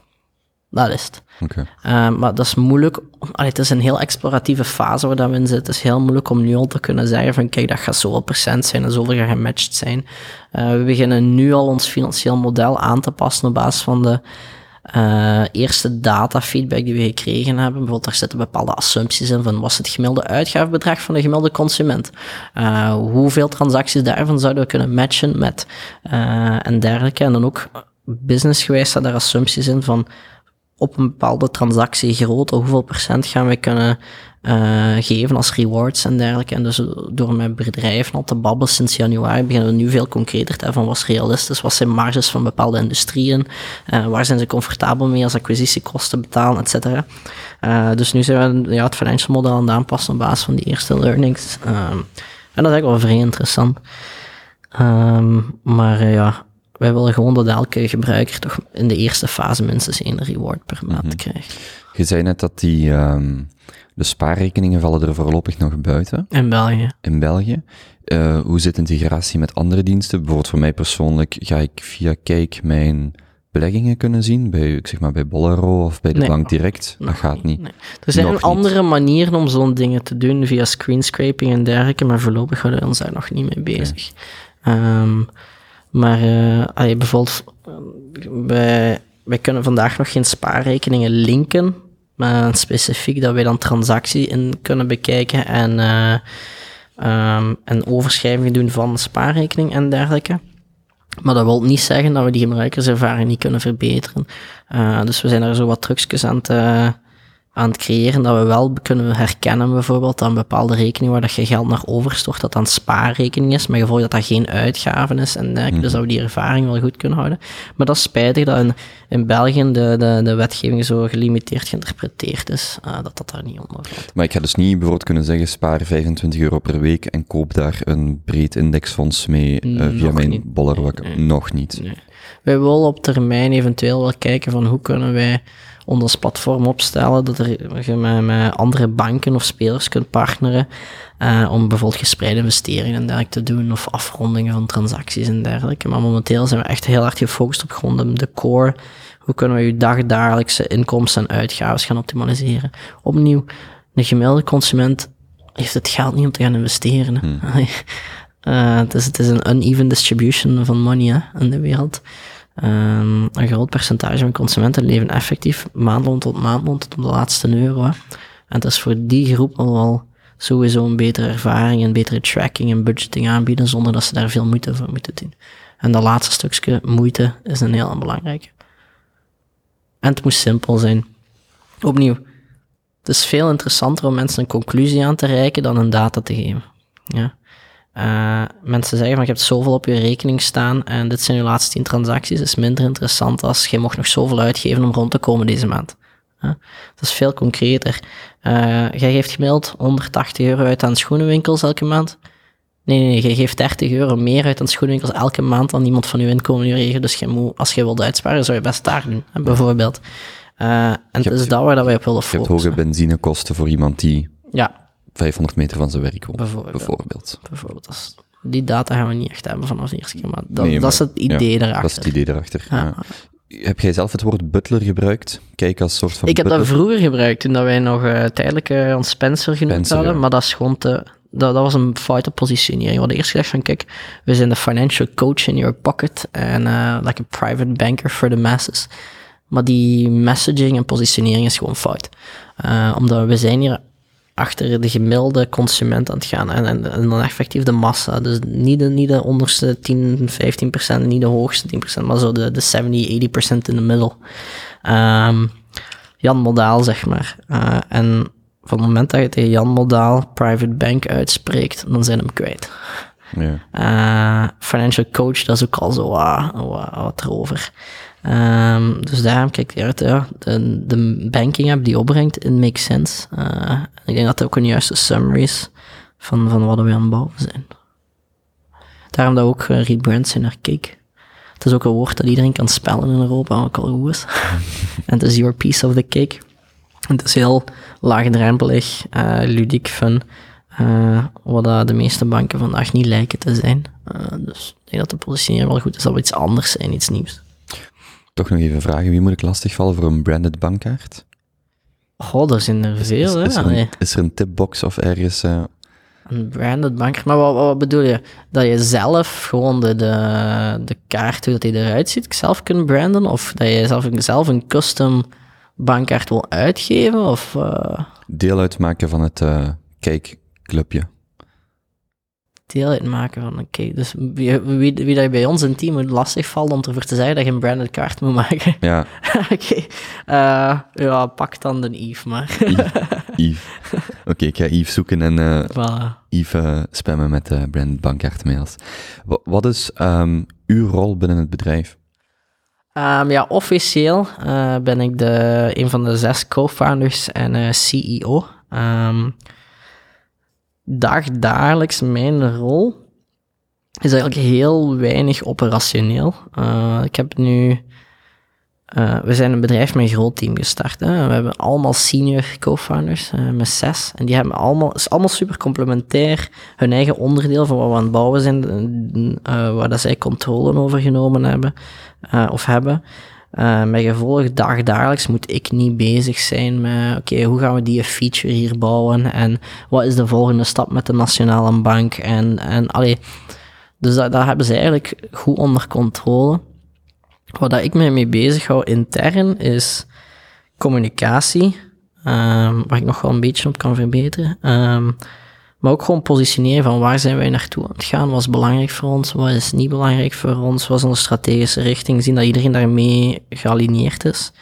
Eh, dan eh, voor de rest hou ik mij bezig met de fundraising, eh, relatiemanagement met onze bestaande en potentiële investeerders. En dan gewoon de high-profile issues die naar boven komen. Dat is zoiets van hoe gaan we hiermee omgaan of hoe gaan we hierop reageren. eh, en dan ook wat externe communicatie, gesprekken op eh, en dergelijke.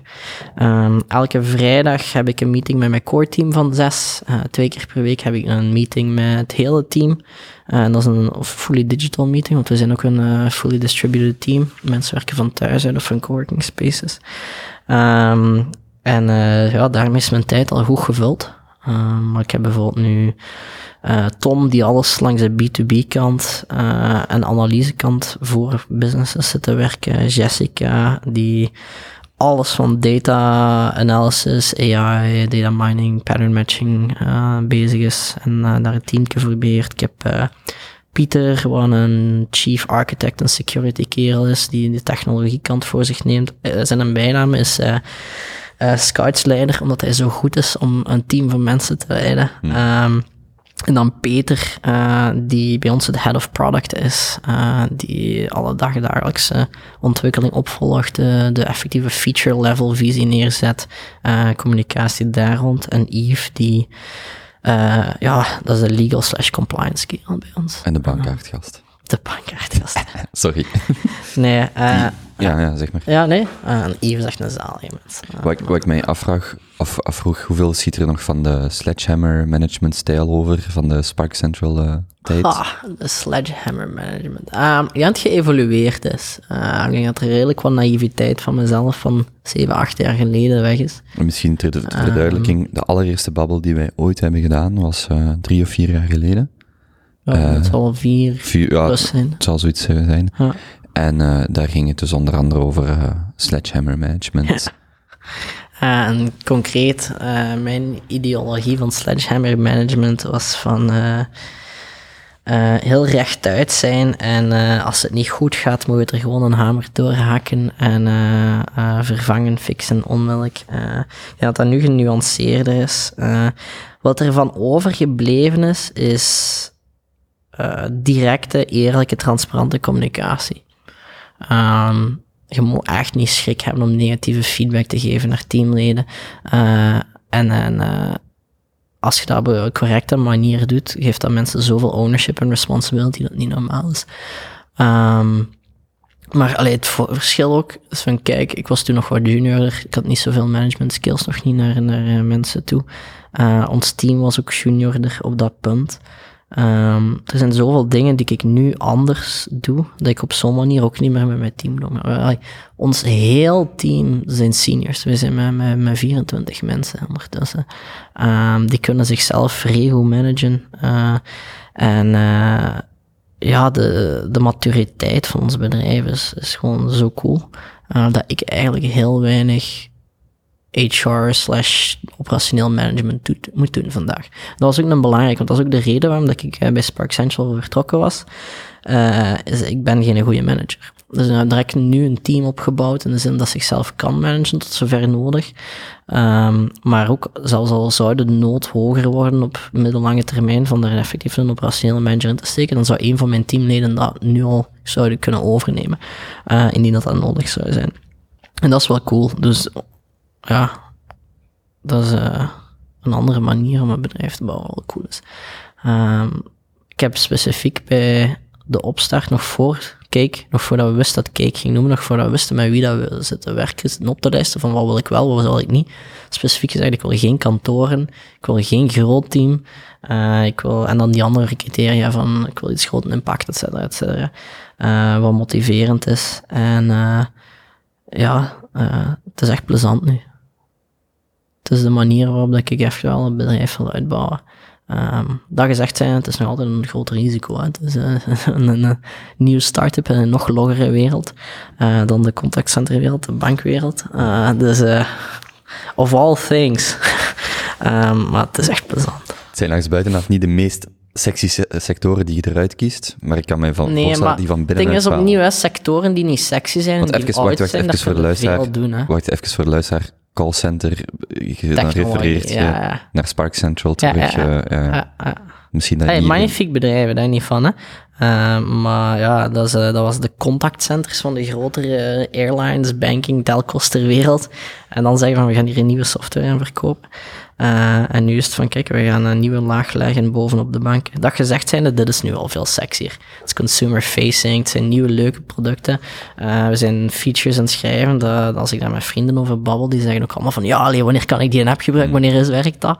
Uh, en, en dat is wel cool. Um, een pool, zo'n pool heb ik nog nooit gevoeld, dat effectief de markt zo je product uit je team aan het zuigen, is bij wijze van spreken. Um, en dat is echt chic. Op dagdagelijkse basis krijgen we nu berichten van, van mensen die op de wachtlijst zitten van een beta, die onze blogpost lezen, die echt aan, aan het juichen zijn van ja, ik zit er al jaren op te wachten en dit en dat. En dat is zo motiverend, dat is niet normaal. Dus voor iedereen die dat tot nu toe al gedaan heeft, thank you. Um, maar het is, het is cool om te zien dat er effectief wel al een harde kern is van mensen die erop zitten te wachten. We hebben al fanboys en we zijn nog niet eens gelanceerd mm -hmm. en dat vind ik echt cool. Uh, heb ik nog nooit meegemaakt. Uh, opnieuw, en bij uh, mijn bedrijf heb ik uh, meer dan een jaar moeten zoeken naar eerste klanten in Amerika. Nu hebben we al klanten vooraleer dat ons product gelanceerd is. Uh, en dat, dat, is echt cool. we zijn nu al vanaf januari dit jaar aan ja, market development aan het doen. Dat we samen het bedrijf aan het samenzetten van wat zou je graag zien, wat mist je in de markt, wat kun je vandaag niet dat je graag zou willen, welke vragen wat geen antwoord op van marktonderzoek dat je vandaag heel moeilijk kunt doen. Uh, hoeveel kosten marktonderzoek je vandaag? Kunnen we dat tegen een tiende van de prijs klaar krijgen, met een betere real-time offering? Uh, en dat zorgt ervoor dat je al onmiddellijk naar lancering toe een propositie aan het bouwen zit waar dat, uh, er een markt voor is. Dat je dat niet al gaandeweg moet, moet uitzoeken. Ik had gezegd tegen mijn team, ik wil revenue voordat we lanceren. En ik denk dat dat nu ook het geval gaat zijn, dus dat is wel cool. Proficiat. Ik, ik moest daar net nog aan denken, ik hoorde van iemand lichtjes gefrustreerd dat hij nog niet kon deelnemen aan de beta. Ah, dat moest wachten. En ik dacht, dat is een goed probleem om te hebben. Ja. Dat iemand zo graag wil deelnemen aan de Oh. beta.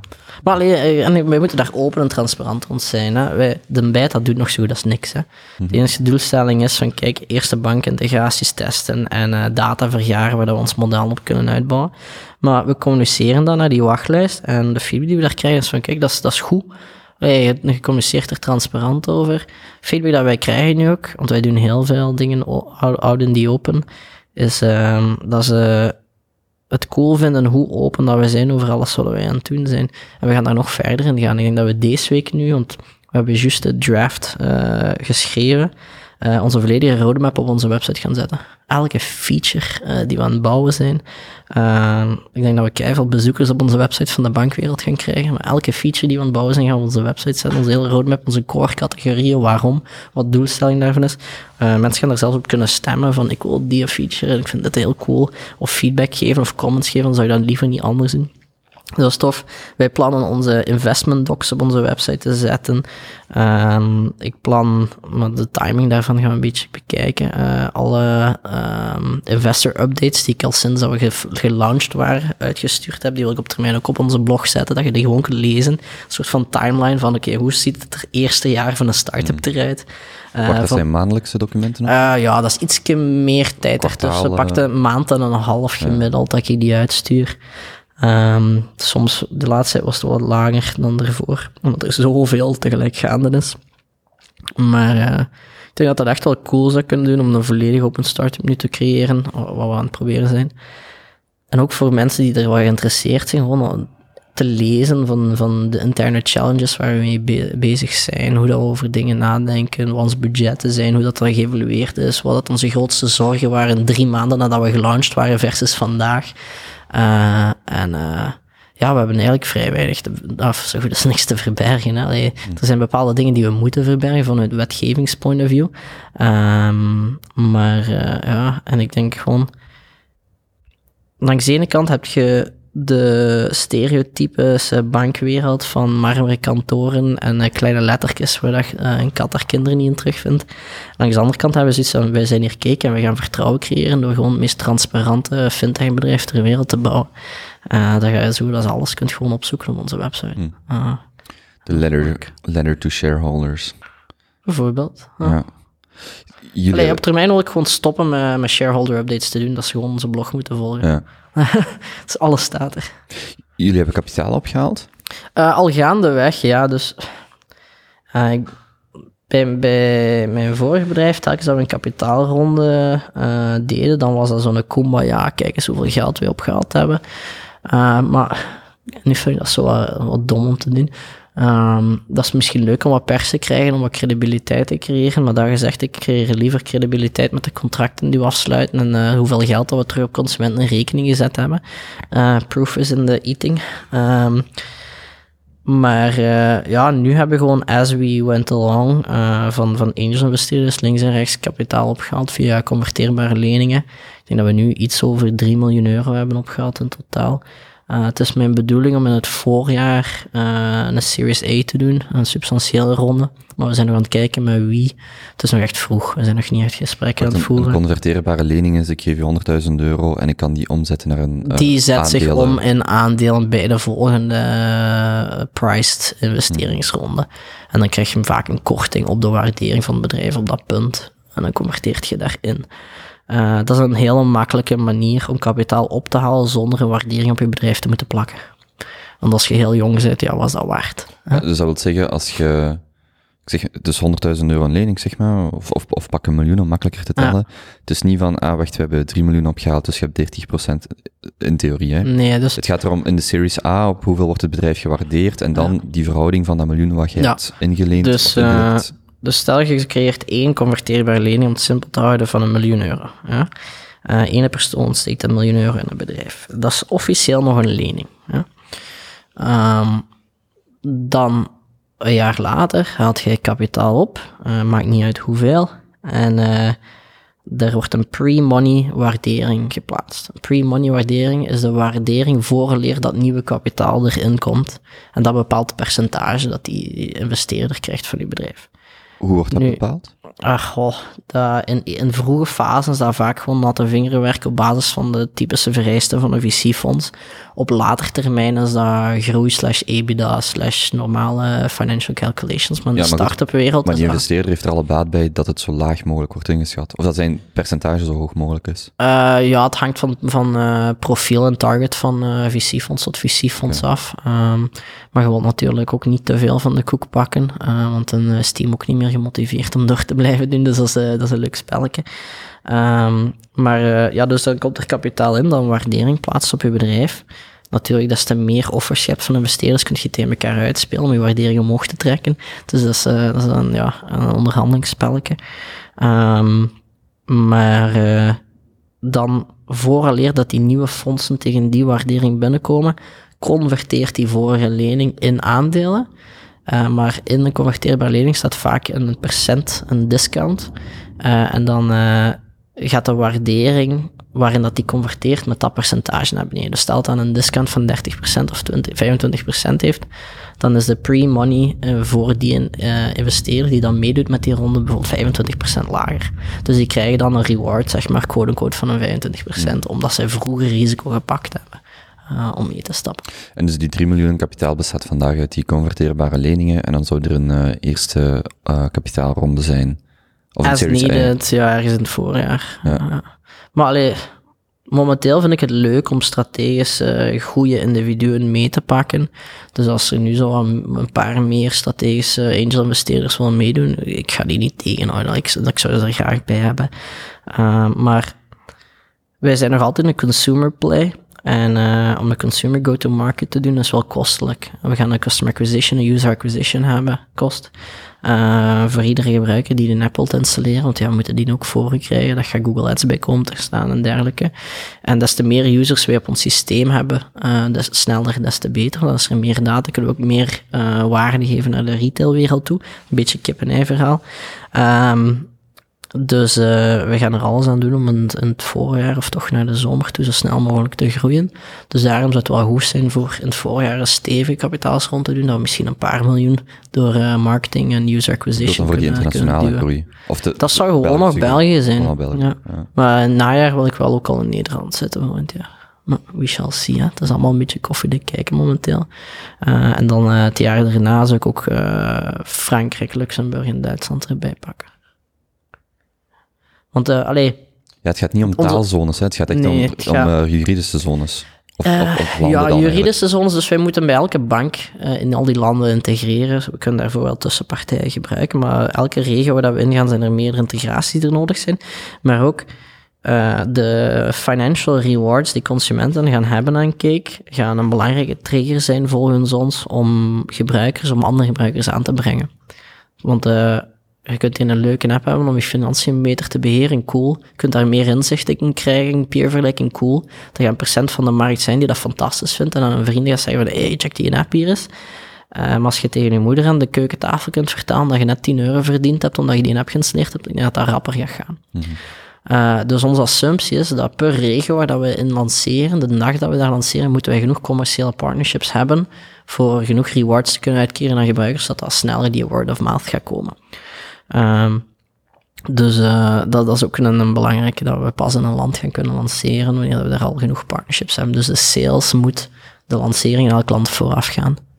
Uh, en nu zijn we nog volledig gefocust op de Belgische markt. Ook al, wij willen nu, en zeker niet in de komende maanden, um, belachelijk veel gebruikers hebben. We zouden graag in januari naar een 10.000 gebruikers op onze app gaan. Uh, en dan er even laten zitten. Q1 zie ik gewoon als prove the business model. Uh, dat wij kunnen aantonen van kijk, uh, consumenten verdienen er iets aan. Het is een cool model, consumenten willen die app gebruiken. En dan aan de andere kant, retailers halen er interessante waarden uit en ze willen ervoor betalen. En hier zijn een aantal contracten. Ik wil dan, uh, we kunnen komen tot een punt waar ik twee case studies kan doen vanuit de B2B-wereld. Dat ik langs de ene kant kan zeggen van kijk, uh, bijvoorbeeld uh, bedrijf X spaart zoveel geld uit aan marktonderzoek en krijgt nu veel betere data real-time door Kik te gebruiken. Dus beter door minder geld uit te geven, maar het wel aan ons uit te geven. Wat dat wij dan een groot stuk van doordistribueren naar onze gebruikers. En langs de andere kant van voor elke euro dat bedrijf Y een cake stopt in user acquisition of retention, komt daar zoveel euro aan sales uit. Voor het moment dat je die case studies hebt, kun je naar eender welk bedrijf stappen. Mm er is een bedrijf in Amerika, Cardlytics noemen ze, die een gelijkaardig model hebben met cashbacks, maar dan uitvoeren via de banking apps. Uh, en die zitten na zeven jaar tijd op de New York Stock Exchange en dat model dat, dat vliegt gewoon vooruit. Ja, want op zich, uh, de use cases in België zijn er relatief ik bedoel, die roadmap is er, die, die use cases gaan er komen, maar eens dat je die hebt, is het pakken gemakkelijker om naar die andere markt te exporteren en met die partners in gesprek te gaan? Ja, ik denk van het moment dat we de, de proof hebben, de, de case studies van ja, hier is zoveel uitgespaard, hier is zoveel verdiend. Het is een no-cure, no-pay model. Dat veel gemakkelijker is om dan naar andere spelers in dezelfde markt te gaan. Dat was mijn vorige bedrijf ook. Hè. Van het moment dat we een eerste big brand case study hadden, ging sales zoveel gemakkelijker dan daarvoor. Um, er zijn heel veel bedrijven die nog altijd vrij risicoavers zijn, totdat ze de opportuniteit zien. Ehm, en alle, eh, sales enablement is een belangrijke. Dus ja, als je kunt bewijzen dat het werkt, welke zot zou je het dan niet doen? Je zei dat je verantwoordelijk bent voor eh, de, de fundraising of de kapitaal eh, ophalen. Onder andere. Is dat onder andere, is dat dan iets waar je ehm, constant mee bezig bent? Of iets wat zich zes, twaalf maandelijks herhaalt? Ja, dus, de dus, vraag is ook, hoe, hoe lang is je runway nog? ja, ehm, Dus, eh, in de mate dat je daarover kunt vertellen. ja allee, onze runway momenteel is een aantal maanden. ehm, en, maar dat is altijd zo geweest. Ja. Sinds de dag dat we gestart zijn. Dus ja, wij halen gewoon as needed eh angel ticketjes op, eh, totdat we de grote ronde doen aan het voorjaar. Ehm, maar het verschil is, eh, vroeger was dat meer een proces van, ik hou mij nu twee, drie maanden, vier maanden hiermee bezig en we halen een ronde op. Oké, zoveel maanden mee bezig, ronden ophalen. Hier is dat gewoon een onderdeel van mijn wekelijkse activiteiten, dat ik daar gewoon constant een beetje mee bezig ben, relaties aan het onderhouden ben, pipeline aan het creëren. Eh, en eh, doordat we het met converteerbare lening doen, die gewoon op elkaar kunt stamelen, hebben we al gaandeweg as needed mensen ontmoet. Ah, heeft ook zin om mee te doen, cool, hè, welcome to the club. Ehm, en dat is echt wel cool, want er zijn ook veel mensen vanuit de retailwereld, C-levels, executives erachter, die dan privé willen investeren, omdat ze het zo'n cool verhaal vinden en effectief de meerwaarde zien. Dus als je dan zo iemand ontmoet en die zegt, ah ja, we gaan dat gebruiken voor ons merk, by the way kan ik persoonlijk ook investeren, ja, dat is cool, hè. Eh, als uw klant wil investeren, dan dat is al een heel positief teken. Ehm, maar eh, ja, as we went, dus ik ben daar elke week wel een beetje mee bezig. Nu, nu dat wij stilletjes aan gaan beginnen met een ja, een officiële fundingronde gaat dat wat meer van mijn tijd gaan beginnen gebruiken. Zeker na kerstperiode, nieuwjaar gaat dat pak vier vijfde van mijn tijd overnemen. Omdat dan is dat echt gewoon een proces. Maar tot nu toe is dat gewoon een onderdeel van mijn activiteit geweest. Jullie hebben ook eh, een, een, heet het dan een raad van advies? Eh, Michel staat erop, Vermaarken en nog en de Ja, ja, andere we, we, gast we hebben er een paar aangekondigd. Eh, we hebben Michel Vermaarken aangekondigd. We hebben Harry de Meij aangekondigd. En eh, sinds een paar weken geleden hebben wij Geert van Hoven ook aangekondigd. Er zijn er nog twee bij. Maar ja, het hangt een beetje van momentum af van wanneer we allemaal willen aankondigen. Want als we 50 blogposts op één week doen, dat is ook niet goed. Ehm, maar eh, ja, het is toch wel een serieus eh, groep kunnen worden. De, de, qua heavyweights. Alleen Michel Vermaark, ik denk dat hem 13 jaar eh, chairman of CEO of zoiets van, van Fable Fin was. In de Europese Banking Federatie gezeten heeft. een, een, een lobbyist, strateeg, de koer. Ehm, dan Geert van Hoven is CIO geweest bij Belfius, bij Argenta. Hij is nu CEO geweest van eh, een, eh, een medisch eh, bedrijf of geworden. En eh, maar hij heeft keiveel ervaring binnen de IT-wereld van de banken. Geeft ons enorm veel inzicht ook van hoe zit die infrastructuur er aan hun kant uit. Eh, dus ik denk, soms krijg je daar wel leuke anekdotes van. Ehm, en dan de Harry, ja, dat is een zalig mens. Eh, Hij heeft eh, mede de branding ondersteund vanuit eh, LDV United, een marketingbureau. Eh, Harry is ook een topmarketeer die zich volledig focust op consumer branding, positioning, messaging. Ehm, en eh, ja, ik denk dat hij wel een, een voorliefde heeft voor het concept dat hier in de markt aan het zetten zijn, omdat het zo disruptief is. En ja, dat is, dat is een heel leuke meeting. Ik had deze voormiddag een, een, een, een meeting met de advisory board. En het leuke daarvan is, dat is geen officiële board of directors met postjes en, en rollen en verplichtingen. Dat is eigenlijk heel vrijblijvend. Eh, we meet as we go. We hebben zo'n running WhatsApp groep waar we over alles en nog wat babbelen eh, van de markt.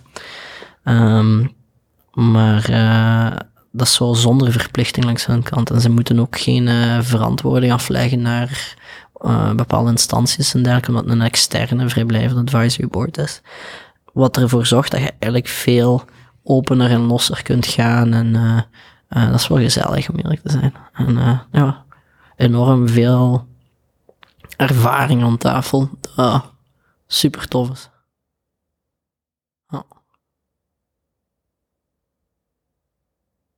Klinkt allemaal... Tadadam. Nee, klinkt allemaal, klinkt allemaal... Het klinkt alsof je op een goed moment op een goede plek zit. Ik denk dat Jij timing gewijs om dit te bouwen fantastisch is. We zijn misschien een beetje vroeg omdat de API's en de implementatie van PSD2 nog op zich laat wachten. Ehm, maar er is een momentum in de markt waar de consumenten hier effectief op zitten te wachten. Het is disruptief in een hele oude wereld. Ehm, persoonlijk, uh, ik ben aan het doen en mijn bedrijf aan het runnen op een manier dat voor mij enorm ja, motiverend en, en uh, motiverend is en mij gewoon enorm veel voldoening geeft. Dat gezegd zijnde, het is iets met het hoogste risiconiveau dat ik ooit in mijn leven gedaan heb. Uh, dus we zullen zien waar de tijd komt. Ik denk, uh, als het lukt, gaan heel veel mensen heel blij zijn en excited. Als het niet lukt, ja, dan hebben wij toch een, een beweging in gang gezet dat, dat iemand anders gaat nadoen en het dan wel gaat doen lukken. maar ik denk dat de kans is dat we toen slagen groter is. Uh, gewoon op, op, van de momentum zo langs alle kanten zien. Consumer demand, uh, business demand. Uh, dus dat is echt exciting. Maar het risico is groter als op uw 18e en 19e naar San Francisco te trekken en een bedrijf zelf te trekken? Um, hoe moet ik het zeggen? Wij zijn veel sneller aan het groeien. Wij zijn, ja, iets aan bouwen op een hele nieuwe markt, iets nieuws, uh, vergeleken met in een bestaande markt waar al een bepaalde manier van denken is en gewoon een, een nieuwer product te creëren. Um, dus we hebben meer te bewijzen. En uh, de challenges, we hebben legal challenges, compliance challenges, de kosten liggen drastisch hoger dan een typische start-up. Dus het risicoprofiel van ons bedrijf nu ligt gewoon veel hoger. We proberen dat natuurlijk te, uh, te coveren door veel meer senior mensen erin te steken, door uh, ons het goed omringen, uh, genoeg kapitaal op te halen, et cetera. Maar het zijn veel uh, domino-steentjes die op de juiste manier moeten gealineerd worden om dat hier te doen slagen. Dat moet ook niet ja. geen doekjes. In de zin van, als ik, als ik dat goed begrijp, als je met Spark Central of Twitspark toen nog naar San Francisco trok, je moest een SaaS-model niet meer uitleggen. Ja, voilà. En het was een SaaS-model, maar een, gewoon een nieuw product binnen ja. een model wat wel al geaccepteerd was, terwijl hier heb je dan wel wetgeving en je hebt dan wel een markt, een maar er moet nog heel veel... Ja, een nieuwe heel markt, veel, ja, ja, ja. Dus het model zelf moet zich nog ontwikkelen of zetten. Het is nog een grijze zone.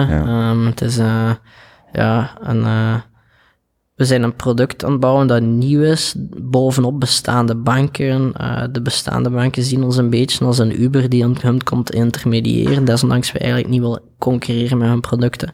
Maar uh, wij worden wel gezien als challenger binnen de bankwereld. Uh, dat zijn spelers met veel geld en budgetten en legal power. Um, maar ja, het is, het is gewoon een volledig nieuw ding binnen de markt. Een nieuw businessmodel bovenop een legacy-markt. Uh, en dus ja, ik denk dat uh, er ja, een, een, een hoger impact project is waar veel te bewijzen valt nog. Die, als ik heel snel reken, ik hoef dat helemaal niet te bevestigen, maar 3 miljoen op pak 15 maanden. Ja, maar het is, het is, niet dat wij uh, vanaf dag één volledig fully hired waren als team. Hè. Nee, maar, maar een, een gemiddelde burn rate van een paar honderdduizend per maand. Ik zeg, Ja. maar, ik zeg maar iets. Ja, dat Eh, klopt. En dat zal wel vandaag hoger liggen natuurlijk als een twaalf maanden geleden. Is dat iets waar je, waar je persoonlijk, eh, of ik zal mijn vraag anders stellen, hoe zit je daar persoonlijk in gegroeid? Omdat, dat, omdat je van bedragen Ja. spreekt die wel, ja, die wel substantieel zijn en ook aansluiten bij dat risicoprofiel. Ja, van voilà. Ja, eh, het, het, eh, het matcht met... met eh, er is, moet veel gedaan worden. We zitten aan de B2B-kant als aan de B2C-kant een product te bouwen. We hebben bepaalde legal verantwoordelijkheid, eh, compliancy, audit verantwoordelijkheid en dergelijke die we moeten dragen dan een typische start-up van onze fase niet draagt. Ja. Ehm, dus wij zijn een heel Amerikaans of zelfs Silicon Valley agressief model op de Europese markt aan het uitrollen. Eh, de feedback die ik ook krijg van adviseurs en externe investeerders, zelfs mensen die nog niet geïnvesteerd hebben, maar ons aan het volgen zijn, die zeggen van, kijk man, je hebt veel gedaan. Eh, mensen die ik drie maanden later een update geef en zegt, wat heb je allemaal gedaan? Allee, de tempo waarop dat wij vooruit aan het gaan is ridicuul, maar dat creëert een risicoprofiel. Ja. Ehm, en eh, ik denk, naar Europese normen zijn we een seed stage van bedrijven op het gebied van productontwikkeling qua markt uh, die uh, aan het groeien is, gelijk een Series A stage bedrijf. Uh, en uh, dat, is, dat is een interessante propositie. Maar ik heb zoiets van, kijk, dit is een nieuwe markt, dit is een challenger markt, dit is een nieuwe wetgeving waarop wij inspelen. En wij willen gewoon de eerste to market zijn. En het marktpotentieel is ridicuul. Allee, er worden tientallen miljarden per jaar, of ik denk dat dichter bij 100 miljard zit zelf, gewoon al aan marktonderzoek uitgegeven. En dat is een markt die deels gedisrupteerd gaat worden door ons. Als je kunt kiezen tussen eh, een, te betalen voor een panel van een vijftigtal mensen waar iemand wat vraagjes aan gaat stelt, Wat maar dat je dan weken later een antwoord van krijgt waarvan je weet dat je het maar met een korrel zout van 40% moet pakken. Of eh, klik, klik, klik, hier is uw antwoord en het kost u minder. Hier is een dashboard Ah, met ja, voilà, data. voilà, Ja, ja, hè. ja. En ik kan u nu zeggen dat die winkel daar het slechter aan doen is, omdat uw concurrent daar net dit gedaan Allee, dat is zot, hè. Je kunt real-time gaan inspelen. En eh, Wat is dus, de invloed van de zaakvoerder op de zaak over tijd? ja, bijvoorbeeld. Voor een, voor een, eh, een franchiseketen of zo? Ah, ja. Wat was de impact van Netflix op een, eh eh, alleen een eh, video, Ja. een, eh, een Kinepolis een of of een, een u dingen hier aan het noemen ze. Ja.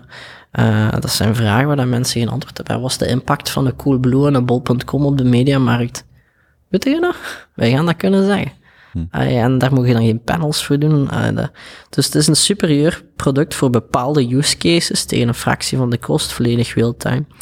En dus wij moeten gewoon tot het punt komen waar dat we genoeg data hebben ehm, om daar effectief een momentum in te kunnen creëren, volgens mij, dat, dat ja, heel veel bedrijven dat gaan afnemen.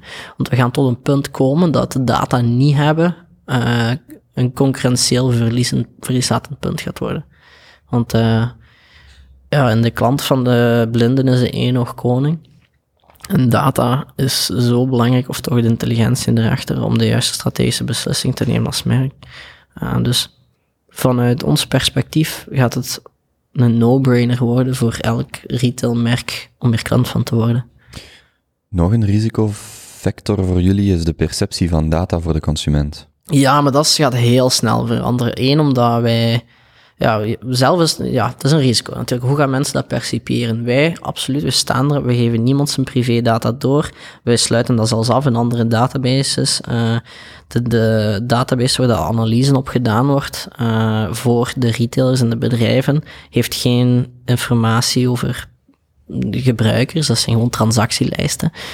Um, maar ja, er is natuurlijk een perce publieke perceptie van, ja, ja, het is hier een gratis app, dus ik ben het product, wat in deze geval ook waar is, waar is maar wij komen er vooruit. We zeggen transparant van, dit doen we wel met de data, dit doen we niet. Voor die reden hebben we heel specifiek een privacy policy en uh, uh, terms geschreven die iedereen kan lezen. Ik denk, uh, je hebt geen diploma als advocaat nodig om dat te lezen. Ik raad u zelfs aan op onze website om dat te doen. Er staan wel wat leuke mopjes tussen ook, om het wat ludieker te maken, maar goed. Um, we willen daar heel duidelijk, heel transparant in communiceren. En opnieuw, daarom dat we ook over onze bedrijfsvoering alles zo, zo, transparant willen zijn, omdat dat creëert vertrouwen. Wat dat, hey, consumenten weten niet wat de banken vandaag met hun data doen, maar je moet niet denken dat er niet naar gekeken wordt. Hè. Um, wij zijn ook een financiële instelling, wij moeten ook gehouden worden en gecontroleerd worden door de organen. Um, het is niet dat wij gewoon een willekeurig bedrijf zijn dat gisteren gestart is en uh, nu financiële data krijgt. Hè. Dat is iets anders. Um, en het leuke is wel dat nu banken zelf ook meer met uw data gaan beginnen doen en al aan het testen zijn, wat voor ons automatisch de markt gaat bewijzen en, uh, en, en open doen.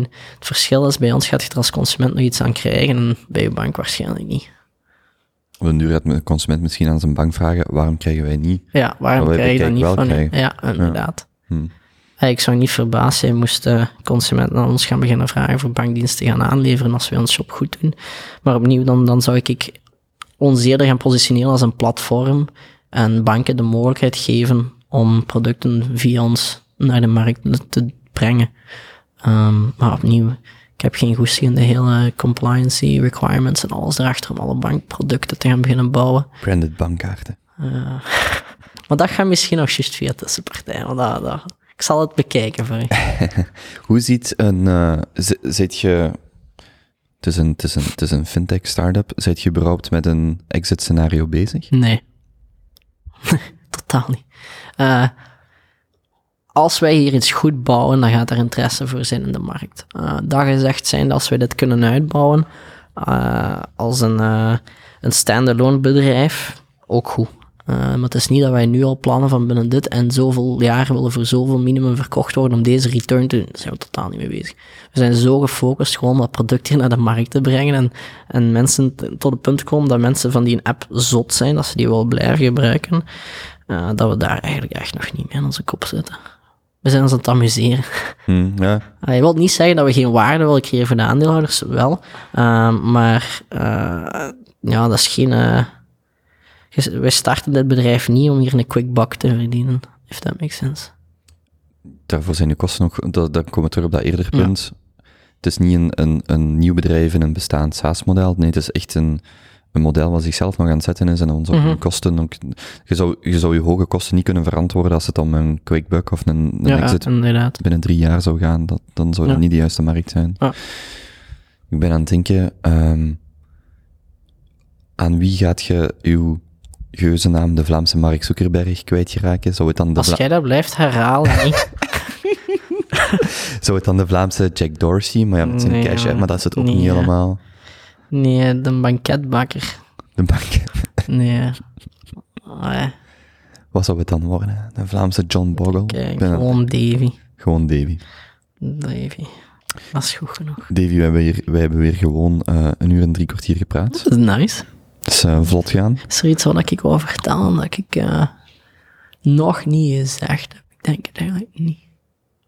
Ja, ehm we hebben een Twitter-account, kijk.app, eh, als dot als een woord. Ja. Als jij iets hebt van, kijk, er is iets wat ik graag zou willen verbeteren aan de interface van mijn bank of een ideetje heb, stuur dat gerust naar ons door. We gaan ook op onze website een formulier zetten langs onze roadmap om feature requests en alles in te sturen. Wat wij ons constant afvragen is van hoe kunnen we deze beter maken?